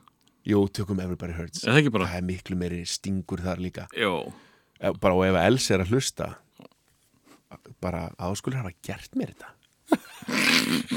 Ef við náðum saman setna, það er alltaf leið Eins og hefur komið fram held í 14 sinum í þættinu til þessa. Sem ég grét maður Áður við förum í, í úlingalæði að því við ætlum að, að fara síðan bara eftir tvítugt uh, þessi tími frá, uh, frá grunnskóla fram að listaháskólanum mm. þegar þú ert uh, svona bara á uh, atvinnumarkanum já, hvernig, hvernig varstu mikið að tjúta og uh, áttur, áttur þér staði í, í tjútteimum? nei, ég var alltaf svo hrættur sko. Mm. ég, ég, ég var hrættur við að fara inn í Reykjavík sko. Já, þannig að þú hérst í hafnafrið bara? já, já Og Hansen bara? já, svona, já, Hansen Mm. Bara Hansen? heimapartí Já, og ég fór eiginlega aldrei inn í Reykjavík það, ég var hrættu við það sko. ég vildi ekki lendi í slagsmálum ég hef alltaf verið algjör kjúklingur með þetta sko. þannig að ég var ekkert í því sko. Everybody Hurts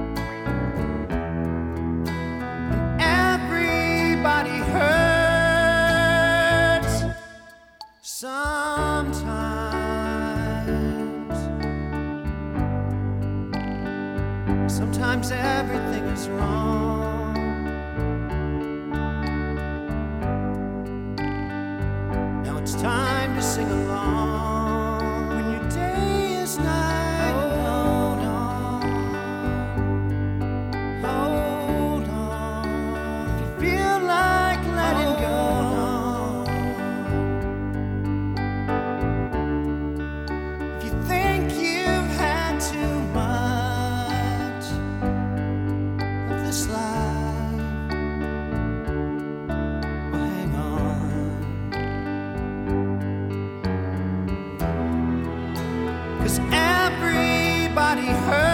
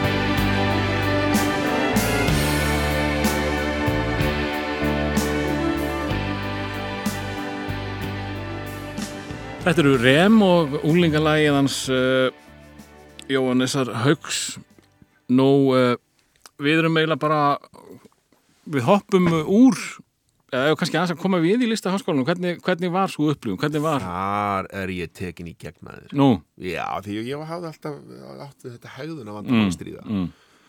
Þarna ertu sko í, með tíu manns í fjögur ár 24-7 sko. og það er ekkert hægt að bera með eitthvað svona vesen sko. Eins og kennarinn sem ég segði frá sem að tók mig í gegn sko, það var alveg leksía og svo voru þarna já það bara svona rjáttlega svolítið afmanni þessi svona, svona læti og kannski hafa bekkjafélagi mínir einhverja aðra sög að segja að þau ég held að ég hef stundum verið svolítið fyrirferðamikill og frekur og annað á þess að hafa áttam á því. Mm. en það rjáttlast að mér á þessum tíma og ég þroskast rosalega mikið. Læri náttúrulega bara, bara alls konar vinnubráð og, og hef engan bakgrunn í leiklist þegar ég byrja. Þetta bara þennan eh, söngleik sem ég prófaði að vera í. Og þá fullvissu um að ég sé bara guðskjöf til leiklistarinnar á Íslandi og er bara að læra allt um þetta og bara merg síð þetta í mig. Mismunandi aðferðir og fræði og prófa hitt og þetta og, og er bara að meitla mína, mína list. Þannig að sko hefur ekki tekið þátt í söngkeppninni mm þá er ekkert sem segir mann að þú hefði farið Nei, Þessa braut? Nei, nei, nei, nei, alls ekki. Og, og Ef að Guðmundur ansi- Kristjánsson hefði ekki ringt í mig. Já, mér finnst það mjög um ansið, djaft af honum að tekka á þér út af því þú syngur hérna eitt lítið lag í, í, í grímumbúning Já, já, þannig að þú átt honum eitthvað að þakka. Já, já, klárlega. Já. Eh, En var þetta gaman að því þið eru svo klós þið, hérna, vantilega, þið rífist, þið elskist og allan pakkan, eh, hérna, var þetta gaman þessi fjögur ár? Já, þetta var að því að það er alltaf eitthvað nýtt í gangi og það, þetta er þannig að þú fara eitt kennara sem er með ykkur í tvo mánuði í einhverju ákveðnu Mm. og það er bara svolítið eins og í leikúsinu, þú setur upp eitt leikrit það tekur hérna tvo mánuði og svo sínur það það er, það er alltaf stöðu breyting þetta er aldrei sama stöffið öll fjögur árin Mm. það er alltaf sami hópurinn sem er með þér og þið verðið svo góði vinir og eru bara, við erum með svo sískinni sko. og það er alltaf gaman að maður hitti þau enn það dag í dag sko. Mm. það er alltaf ákveðin kærleikur á, á mill okkar sko. Hvað gerur eftir að þú útskrifast? Hvað ertu lengi að áttuð á því að þú, eða náttúrulega þú varst búin að áttuð á því að væri besti leikar í heimi áður en þú fórst inn? Já, sko, ég hérna man að ég vildi alltaf fara, ég vildi komast í þjóðleikursi Mm. þegar, ég svona fór átt á mig því að það væri málið, sko, Gói sagði mér að það væri málið hann var búin að dreif mig það síðan hann var smákrakki Hann náttúrulega, þú fættist bara og vildi vera leikari þegar, þegar bara, þegar mamma tók hann í, Já, já En það hérna það var eitthvað byggð á því. Já, ég, ég hérna það, maður fer bara í nefndaleikusi sem er fjórða árið þarna. Svo bara er svo er bara hringt og manni bara búðin vinna. Ég var bara mjög hérna heppin með það að Magnús Geir, hann er einmitt hérna, alveg sem er góð og hann er að taka við leikúsinu fyrir norðan, býður mér ársamning þar uh, ég fæ líka tilbúðum að komast í þjóðleikúsið ég heyrði að sagði að hann fekk líka tilbúð frá borgarleikúsinu, ég fekk það ná ekki. En ég fekk tilbúð úr þjóðleikúsinu hann ég, ég þurfti nú að nettur metingur hann alltaf, Eh, alltaf. sem segja mér að gói hefur þá vantarlega með, verið með þér í bekk. Já, já, Já, já, já. við vorum saman í bekk. Alltaf metingur. Það er alltaf hvað er hann að gera núna? Og okkur er ég ekki að gera það? Já, nú er ég að gera þetta, hvað finnst honum um það? Eh, hérna, já, já, við förum báðir til hérna, Akureyrar og tökum þátt í því sem var bara eins og mastersnáma því að eins og hérna, allt undir stjórn Magnús það fer allt á flug sko. hann er svo góður markasmaður og fær fólk á staðinn og maður var bara maður alltaf í leikúsinu fyrir norðan og, og áfram með góa eins og bara eins og þetta var í fymta árið í skólanum Mhm.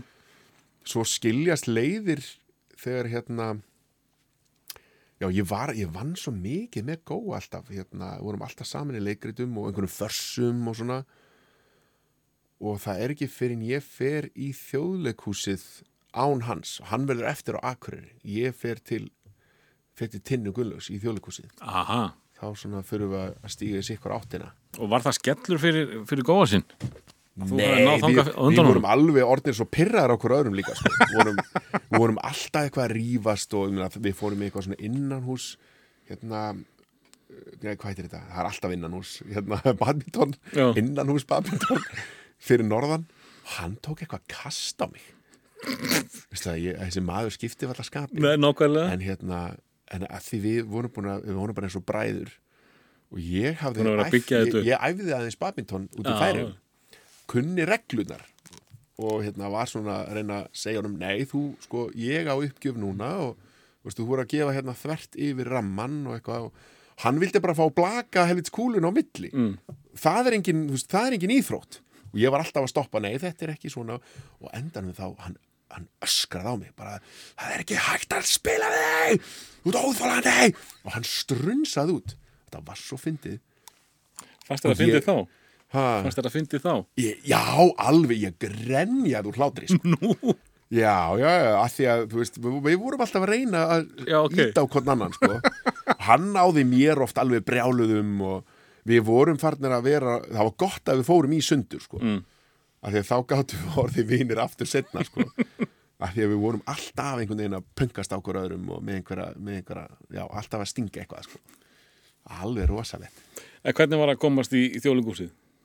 Það var æðislegt. Já. Það var hérna, jú, ég minna maður bara, eins og segi þessi vinna er þannig að þú veist, hvert verkefni sem þú ferð í, þú ert alltaf með einhvern ný, alltaf ný samsetning á hópnum. Þú ert, jú, jú, með einhverja leikara sem þú hefur leikið með áður, en það er kannski ný leikstjóri, nýjir leikarar, þannig að þetta er stöðug endur nýjum, það er alltaf eitthvað nýtt í gangi. Varstu lengi hérna í einu? Þjóðlegúsinu, já, ég var hérna alveg einhver þrjú, tvö ári eða eitthvað, svo, sko, svo fer ég nefnilega yfir í borgarleikúsið í eitt ár og svo aftur yfir í þjóðleikúsið, svo fer ég í sjálfstæðu senuna, ég tók þátt í hérna alvöru menn í Östubæ og, og hellisbúanum og, og vann alveg rosalega mikið, gerði á þessum tíma, ég var að leiki einhverjum fjórum, jafnvel fimm uppsetningum á ári sem að er, og alveg til 2014 þegar ég hætti og fer til útlanda Uh, þú minnist þannig á hellisbúan. já, Erst þú hellisbúan nummið tvö já, eftir Bjarna? já og það var alveg ég Var það ekki svaka hitt líka þegar þú tókst það? Jú, jú, sko hann alltaf sló alveg rækilega í gegn. Með, hann, hann síndi þetta fyrir 80.000 manns ég síndi þetta fyrir 20.000 manns sem er helviti gott sko já, já, já. einleikur fyrir 20.000 manns en hérna, það var náttúrulega átt engin sjens í þetta 80.000 manna það voru 10, þetta var 2008 það voru 10 ár síðan hellisbúin hefði verið það var því mega hittari og allt í einu hefur verið að spyrja mig um að leika hellisbúin ég man að mín fyrstu viðbröð voru bara nei, ég get ekki verið eitthvað reyna að gera eitthvað sem, sem einhver annar var að gera hérna bara fyrir sem ég fannst bara verið fyrir nokkrum árum. Ég hugsaði bara, þetta er alveg glatað. Ég get ekki verið þessi gæi. Nema ég leitaði ráða hjá Rúnari Frey leikara hann, sem svo leikstýrði mér í þessari í þessum einleik. Já, ok. en það var ekki búið að ákveða það þá.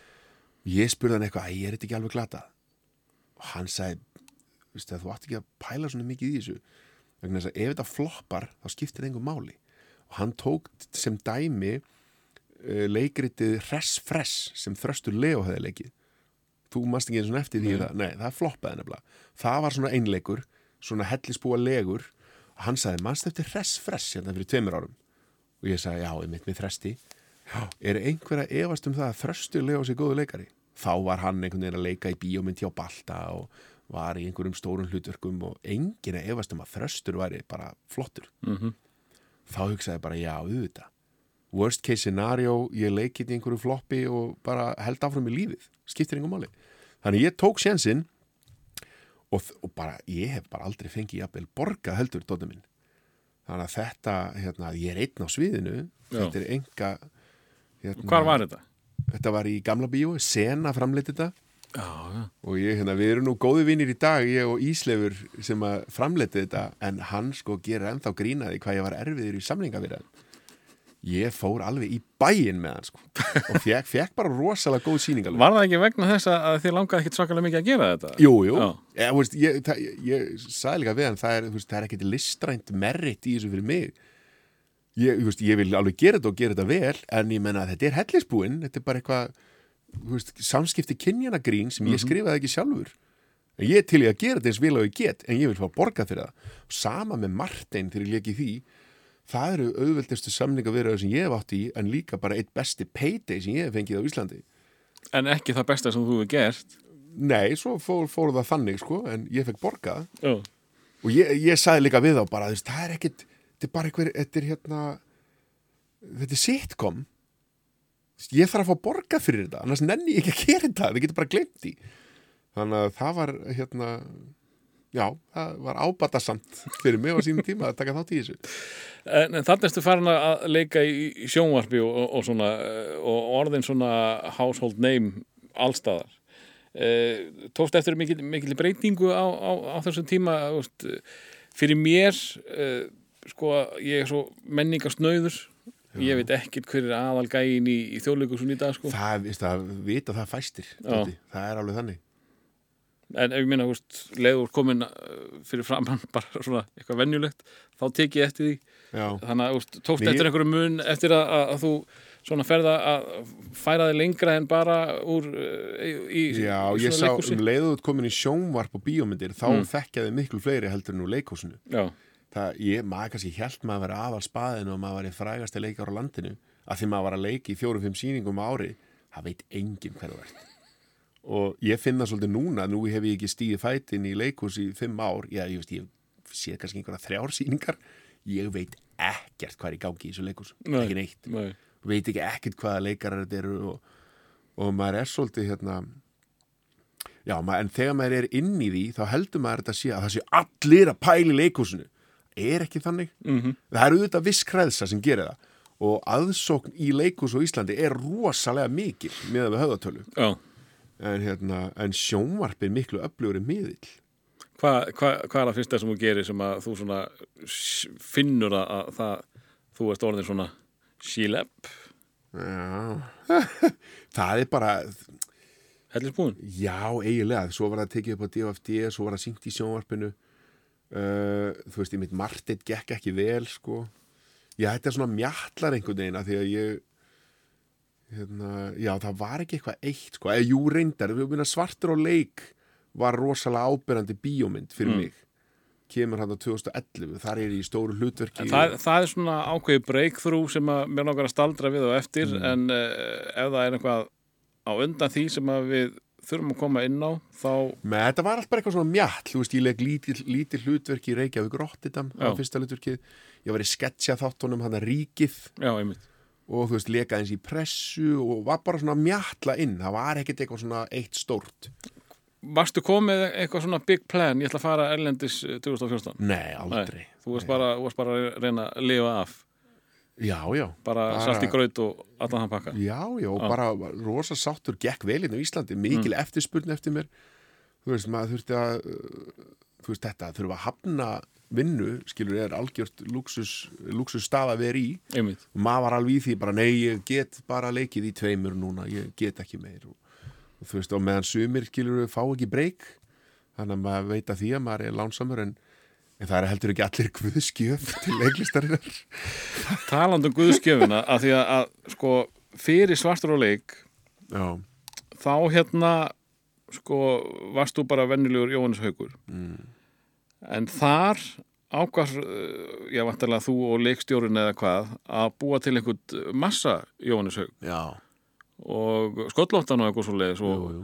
allt annað karakter svona, já. maður var ekkert búin að vera hrættu við því í gegnum tíðina í Nei, þeim nei. verkum sem að þú hafðir leikið í en þarna var komin einhver allt annað karakter Já. Haf- hafðir einhvern tíðan lagt svona mikið á því fyrir hlutur hvað Nei, nei, ég líka áttaði mig á því sko hversu ég, einhvern veginn fann á mér að þetta væri, væri tilefni til þess að, að fara alla leið þarna.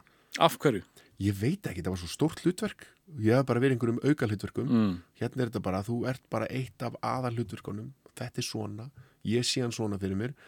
Og ég vildan að þú væri með svera handleiki og Já, já, Já. ég veit ekki hvort hann alveg hafi búist við þessum árangri, ég meina ég náði rosalegum árangri, ég tók að með 17 kíló sem er ekkert smá og hérna þetta, jú, jú, hann var alveg sáttu við það og, og hérna, ég einhvern veginn efaðist aldrei um að hann saði mér eftir á hvað hann hafði þurft að svolítið að berjast fyrir því að fá að ráða mig í þetta. Framleitunir voru ekki alveg að kaupa það fyrst sko. Sem þið stórhættulegan eh, Já, því ég var einhvern veginn, þú veist, búin að vera hann í Martin og Hellisbúnum eitthvað en, en ég mæti þarna í þessar pröfur og honum fannst ég bara negla það. Mér fannst það líka, bara borleggind að ég ætti að leika þetta en þannig að hann fekk sínu framgengt og, og mér var treyst fyrir því að geta tekið mig svona á og ég geri það og, og, og þetta skilaði mig líka umbóðsmönnum erlendis frá sem að var svo til þess að ég fekk vinnu erlendis og Þannig að þetta útlit hjálpa þér mikið erlendist þá eða hvað. já, já, í rauninni, já, já. Mm. Þarna, sko, og samt svo, veit maður það ekki ég er ekki, núna er ég ekki lengur í því formi sem ég var í þá en ég er heldur ekki komin í sama form og ég var í áður ég er svona mitt á milli kannski. Mhm. en þú veist, fyrsta breykið sem ég fæ í útlöndum er að leika sko Tómas, lærisvinnin Tómas í biblíuþáttum. Það er ekkert eins og karatinn í svartur og leik. Nei, þannig að veist, maður veit ekki alveg, maður sér ekki alveg svona alveg beint orsakasamingi sko. En, en sko, hvenar uh, ferð að vinna með uh, skeggið? Það er, já það er bara þetta, já 2014 er ég í Spamalott söngleiknum, Mm. þar er ekki með skegg um vorið og leið og leikárið stoppar hérna í mæjúni, þá byrja ég að láta mig vaksa skegg. Fyrir eitthvað ákveðið? Nei, bara nefndi ekki að raka mig. Já, ok. Tek svo upp pröfu fyrir lærisvinni Tómas og fæ það hlutverk. Og þar þurftur að halda skeggjunu? Já, og hef haldið því síðan, af því að svo einhvern veginn tekur eitt skeggið hefur, alltaf hefur selt Já, þeir, hafa allt, það þeir vilja alltaf hafa með skeggi Já. öllum hlutverkum sem ég er í úti sko. það, ég er ekkert, ekkert að fara að raka það á næstinni sko. Eh, En uh, sko frá, frá sem sagt svörstum á, á, leik uh, yfir það að, að kíkja á ellendis hvenær áttur það á því að sko, það er eitt að fá einstaka tilbúð að utan Mm. þú getur ekkert lifa á því þetta er bara svona pínulítið svona gaman að prófa það hvenær sér það að þú eigir möguleika að, að bara að vinna ellendis hvað, hvað hefur tekið langan tíma fyrir þig að skapa þér nafn þannig að þú komir eh, inn á borð hjá, hjá framleiðundum það sko ég fæ þessa umbóðsmenn þeir sjá svartur og leik hafa sambandið mig, spyrja mig við vera umbóðsmenninni þínir sem að er geggjað, það yfirleitt gerist ekki þannig Það var venjulega þú sem að eldi þá við það Já. en hann er náttúrulega, já, er þetta því að ég var búin að gera, menn geta líka mitt fengið, sko, hann Viggo Mortensen saði mitt, sko, ef, ef hann ætti að ráðleika einhverjum, hann saði make it in your home market, Mm. þá sækja þeir þig. Þannig að þú veist, það er ein aðferð, bara reyndu bara eins og getur á Íslandi og ég gerði það auðvitað og leikið þessari bíómynd og svo fer bíómyndin og sér um það að ná í umbásmenn. Svo ger ég pröfur alveg í tvö ár þangar til að fyrsta tilbúðu kemur. Og það sem var gott við það að þetta er í seri og ég er hann í alla seríuna þannig að þetta er langt tímabil ég byrja í september og er ekki búin fyrir henni í mars. Og er alveg on-off, ég kem heim um jólin og kem heim alveg nokkur sinnum og fram og tilbaka á tímabilinu. Og strax um leiðu ég búin í tökum þá segja þessir umbóðsmenn sem eru frá bandaríkjunum nú er lag að fara til London við bókum hérna fundi með einhverjum umbóðsmönnum og við reynum að ná umbóðsmanni þar af því að við ætlum að ná því á meðan, á meðan NBC er að auglýsa þættina en samt ánur þeir frumsýna ef skikinni þetta er ömulegt Já. þannig að bara ok, þannig að þeir eru rosa klárir Já. þannig að þegar að hérna, NBC er að auglýsa bara um páskana bara stæsti sjónvarsviðbúru sögunar hérna, AD, The Bible Continues og þannig að þeir geta hérna, ég til London bara borga flugi sjálfur og gistingu er þar í viku að fara einhverja fundi og sem, sem sem þeir bóka sko, já. já, þeir eru náttúrulega eitthvað tengdir. Og þar uh, finn ég einn umbóðsmann sem ég langar að vinna með hann langar að vinna með mér og þá er ég komið með agent þar. Hann byrja bara strax að senda mig pröfur. Hann er hjá stórri umbóðskristofu sem heitir Independent Talent Group og hann nær mér inn í Game of Thrones. Já. eiginlega bara strax í kjölfarið. Gott að það var ekki eitthvað eitt á milli. Ég held ég að við leikið Atomic Blonde á undan með Charlize Theron og það. Einmitt. Þannig að þetta, já, bara verandi með umbóðsmenn á báðum stöðum þá náður einhvern veginn það er fleiri pröfur og þá er meiri sjens maður færði þetta fullt að neyjum. Já. en svo um leið og maður er komin í eins og ég tók eftir því, um leið og maður er búin að vera í Game of Thrones þá komi ennþá fleiri pröfur. Er, þa er það svona hóli greila á sífið? já, það er, já, af því að það er þannig að kvikmyndafyrirtækin þau leita til umbóðskristofuna þeir byrja á stærstu stofunum. Mm. sem betur fyrir er ég hjá einn af stærstu. Þeir segja okkur vantar hérna okkur vantar tvo leikara sem eru hérna á milli 30 og 40 sem eru svolítið rugged og eru kannski evrópskir. Og þá segja þeir, herru við erum með þessa 20 hérna. Þau segja, ok, kíkjum á þessa 5 og þau horfa og sjá þeir eru renni við. sífið herru, hann var í Game of Thrones, kíkjum á hann. Já. þannig að ég lendi þá oftar inn í þessu úrtaki af þeim 20 sem þeir eru með þá er ég einn af þessum fjórum sem þau kíkja á Já, af því að ég var í Game of Thrones. Einmitt, þannig að maður einhvern veginn kemst þó að þau muni ekkert hvað ég var lítið í því. Af því að þeir pæla ekkert í því bara að var í Game of Thrones maður, það er eitthvað. Það er einhver búin að stimpla hann, hann er með með einhvern svona quality stimpil. Það er eitthvað svoleiðis. Já. Þannig að allt í einu voru miklu fyrir pröfur og þá fann maður fleiri já að því að það er bara meira úrtak. Og svoleiðis bara lú- en svo komu þetta moment á milli ég er til dæmis nýkomin úr tímabili þar sem að ég hef ekkert verið að vinna mikið sko. Á þessu ári er ég búin að leika í einum þætti í einni seríu. That's it. Já, ég hef ekkert unni meira. Ég hef bara ekkert fengið neitt meira. Og svo koma Hve- tímabil og- Nei, byrju, ánum heldur áfram. Hvenar fer það að panika? Það kemur reglulega. Já, það, þú veist, ég þú veist, er í Game of Thrones get ekki og- fara að selja bíla eða eitthvað? og hérna Atomic Blonde og svo fer ég hérna í þætti sem heita Last Kingdom og svo kemur kannski mánuður bara þetta er búið, nei, er þau Netflix-serja series regular, option í þrjú ár geðveikt, en svo er serían ekki framlengt, en í leik eh, þannig að já, þetta er svona, er upp og ofan og maður hérna upplifir þessu örugan í einhver tíma. Svo er stundum búið að bóka næsta gig og þá er maður alveg rólugur af því að alltaf þegar gigginu, gigginu er að klárast þá byrjar fólk svona, hvað er þetta að fara að gera svo eftir þetta? Og stundum bara, að ég veit það ekki bara smá, bara smá downtime.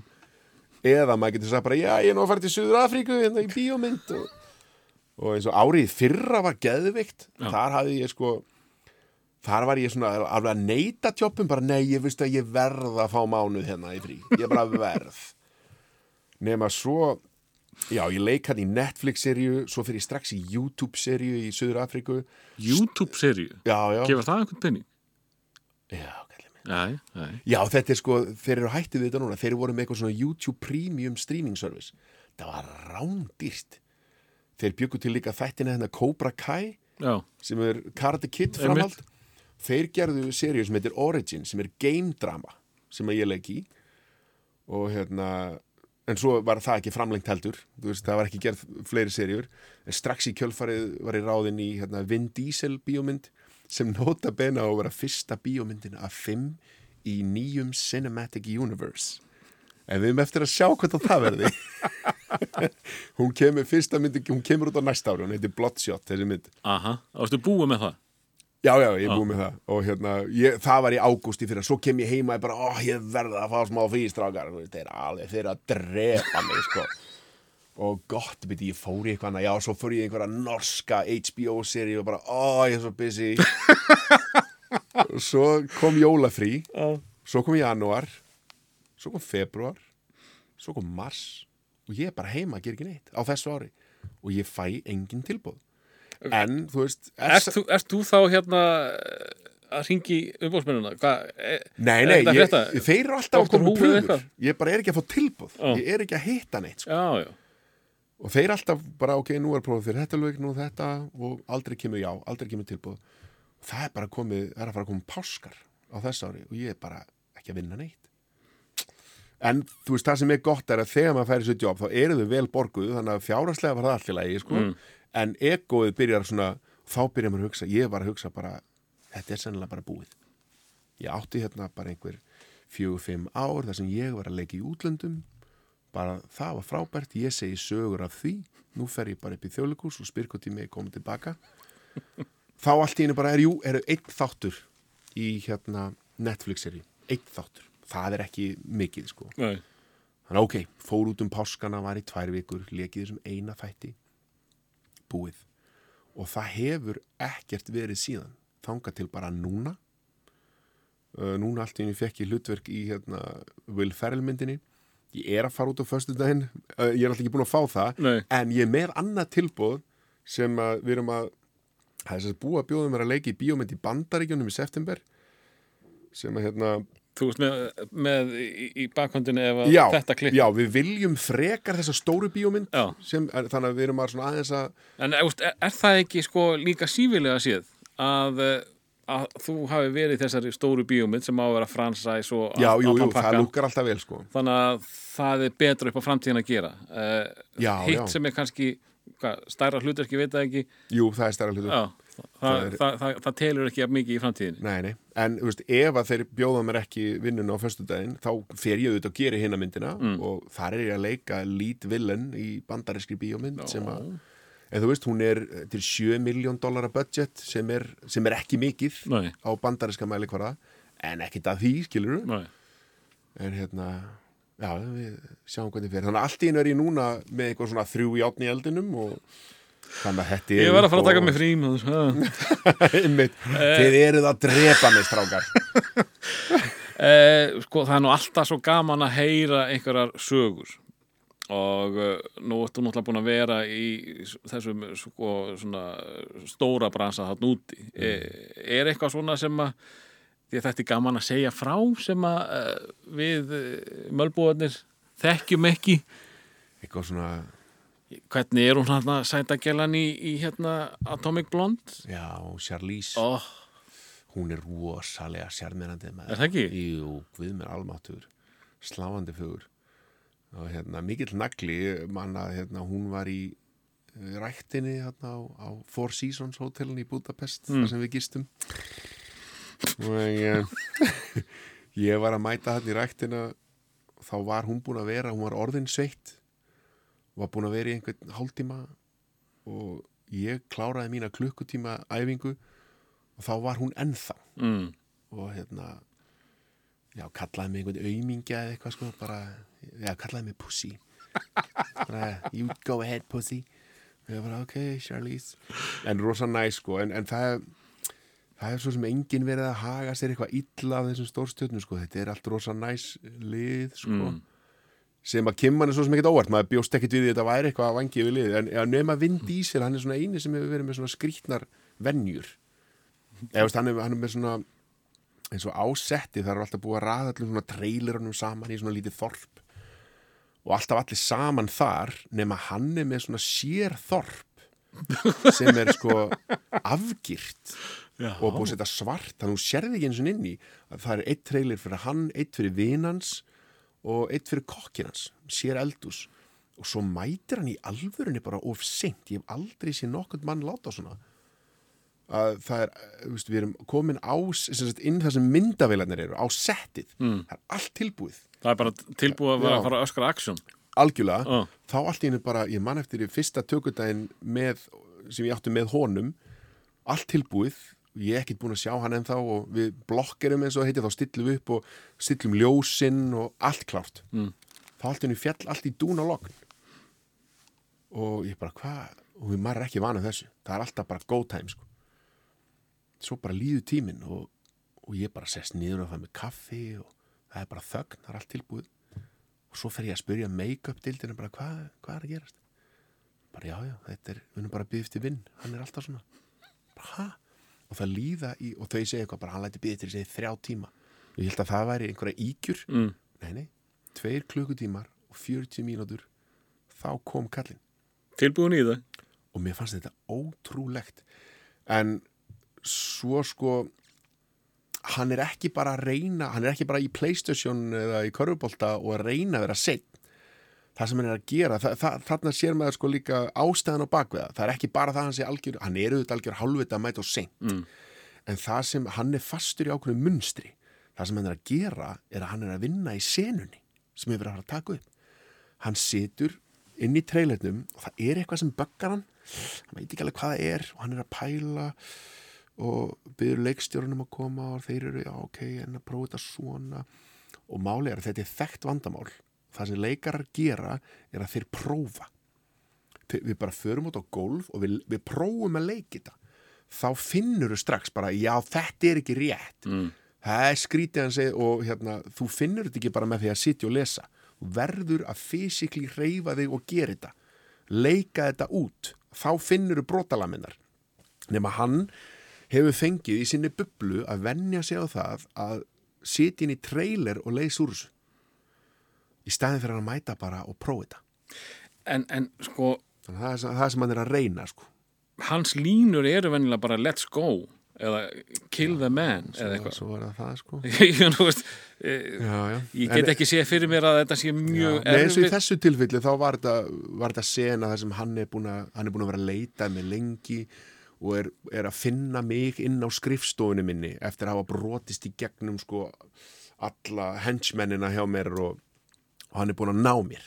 Og þú veist anstæðingu Já, og þetta er svolítið svona emotional fyrir hann og það var það sem að vafðist svo fyrir honum. Og eins og hann saði sko, hann sagði ég vil ekki bara að þetta sé eitthvað Terminator 4 sko. það verður að vera einhverju núansar og sem er alveg rétt en þú veist, prófum þetta einu sinni tvisvar þá kemur það. Mm. nema hann er bara vanur öðru og honum er leift að halda því. Það segir enginn bara vinn, hættu þessu ruggli þannig að hann er, já, fastur í þessari venju en af hverju er hann svona stór? er það bara þessi hérna, bílamynd hans Já, er það ekki, jú, það er náttúrulega hans stærsta já, úst, það sel, sko. úst, hann þér náttúrulega mikið pening fyrir Já, já, og hann er alveg nafn út á það, sko Já, Þannig að einmitt. það er Er, er, myndur þú þá segja sko af því fólki sem er unni með að hann sé svona mesta dívan Já, já, Mm. já, já En, en kemur um mitt, en, já, það er alveg þannig En frá hans sjónarhóttni þá sér maður samt að hann er ekki að reyna að vera leðilegur. Hann er bara fastur í handritinu og er að reyna að leys Hann er að reyna að vinna. Já, En þetta er bara, jú, ég veit þetta er ekki rétt aðferðin En það er ekki hægt að segja hann það. Og nákvæmlega. ekki ætla ég að gera það. Ekki ætla ég að leggja honum línu þar. Að svo þegar hann mætir ja, þá er hann alveg bara hey man, you're doing great. You're awesome dude. You're awesome. Og maður er bara takk Sko, þú varst nú með uh, stóra og þykka og mikla rödd en uh, þú nærði ekki einu sinni að herma eftir dísefnum sko. nei, hann er rosa það er eitthvað skrítið hann þetta í er svolítið hálsum eins og mánu Ólafur Darri. Já, nákvæmlega. Það er einhver bótt þarna sem bara er ómennskur sko. um, uh, Sko, árum við hættum hérna uh, sko þú er alltaf búin að vera mikið að, að leika úti en þú var alltaf verið einhverja rattir hérna heima. Rattir Þú ert búin að vera hérna róthásgaurin já, senugaur en það er nú einn draumur sem að ég náða að uppfylla nýverið. Nú, Ég talaði alltaf um það í leiklistarskólanum. Maður sá að partur af bransanum var að lesa auðlýsingar og besti dillin er að vera exclusive rödd Mm. helst hjá banka. Þá færðu miklu meira borgað.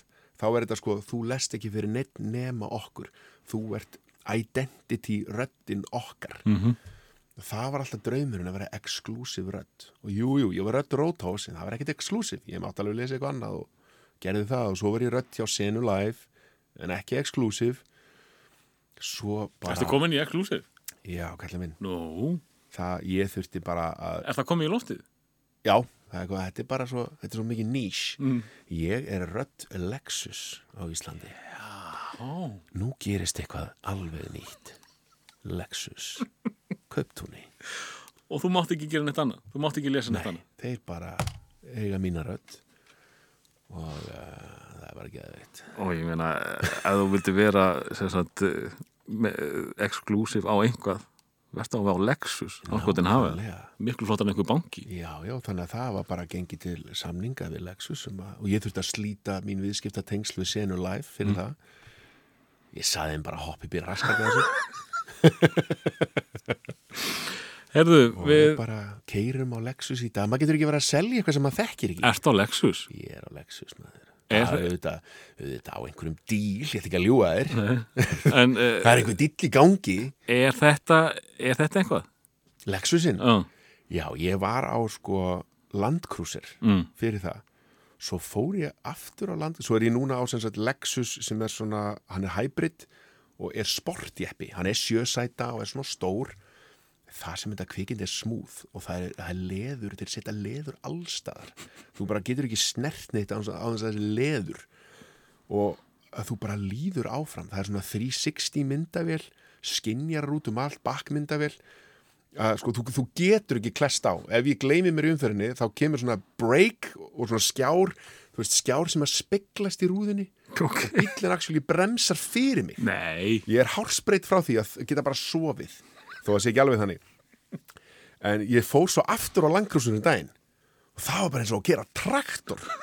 Og ég var bara ansið sáttur áður. Þannig að þetta er ég og engum vandræðum með að mæti inn í klefan og vera bara Lexus. Bara Þú ert að meina kauptu það. Lexus. Já, engin vandræði þar sko. Jónas Haukur, við höfum uh, haft það fyrir reglu að enda á lægi já, sem að er að hylla þig þessi dagurinn. Já, þarna lendum við á pínu vekt Já, já, þú er ekki hlusta á tónlist í ég á svolítið skilt við hann Jón Gnarvinnin ég hef Þú þolir ekki tónlist. ég hef heyrt hann tala um þetta. Ég hlusta ekki á tónlist. Á ég bara tónlist. hlusta ekki á tónlist, ég hlusta á podcast. Mm. ég hlusta ekki á tónlist. Playlistin minn eh, fyrir eitthvað ræktina og eitthvað, eða nú er það bara podcast það var, hann er bara eitthvað 80s lög þú, þú ert að rækta með, með pod, hérna, podcast, alltaf töluðu máli. bara podcast. Já, en það er ein tónlist ein, það er ein tónlist. Ein tónlist. Sigurós ah. ég held að þú sért ekki rifin að þeim. Jú, elska þú það er eitthvað við Sigurós, það er sko tónlist eru náttúrulega tíðnir. Mhm. og þú veist hvernig er það eiga allir eitthvað lag eða eitthvað sem bara sem bara víbrar inn í þér. Og Það er að gráta einu svona enn í þú, já, þú getur fara að gráta og það er lag sem að, ég tárast alltaf. Það heitir Árabátur og er með Sigurós og það geggið að skokka við. Þetta er alveg átta mínúna lag. Kannski hérna hefur endaðu bara að segja fólki að look it up sko. Nei, nei, nei, nei. þetta er húkaði aftan á. Að það þetta byrjar svo rólega svo stigmagnast þetta að það kemur svo heil symfónia inn undir lokin og þessi melodía bara hún strækar beint inn í kjarnan á mér. Og ég nota þetta lag ef ég þarf að fókusera mig ef ég þarf að bara nú er komið tíma á að leika hérna atriði sem er kannski erfitt og á að vera eitthvað tilfýningalegt og, Lánaði Vin Diesel þetta? Já, þá skelli ég þessu í, í headphone-in og fer aðeins af síðus og næ- næja hérna læt þetta hérna smjúa inn í mig. Og hérna ef ég er að hlaupa eða skokka þá tekið þetta, þetta er bara árabátur. Eftir Árabátur Sigurður. eftir skattsvíkarana í Sigurós. Þeir reynast vonandi saklausir Já, í þeir eru þessu og öðrum málum sem Menn eru sem að gera svona tónlist þeir eru ekki sakamenn, þeir eru ekki saknæfir sakhæfir, það er alveg saman. Eh, Takk kærlega fyrir að sitjast hérna með mér, Jóhannes Haukur. Takk fyrir að- að leifa mér að koma eftir eh, þráfaldar beðinir mínir um, þe- um það. Og þetta er held ég bara síðasta Grínlandið. Wow. allt útlýtt fyrir það ég, ég held að eh, og með því opnar líka inn á næsta seria, þá ertu bara farin að tala við bara Eitthvað allt annað. bara hilmisnæði já, já, ég meina hann á líka tengingu í fósbræður það er rétt, mér langar að heyri hilmisnæði takk fyrir komuna. Takk að þér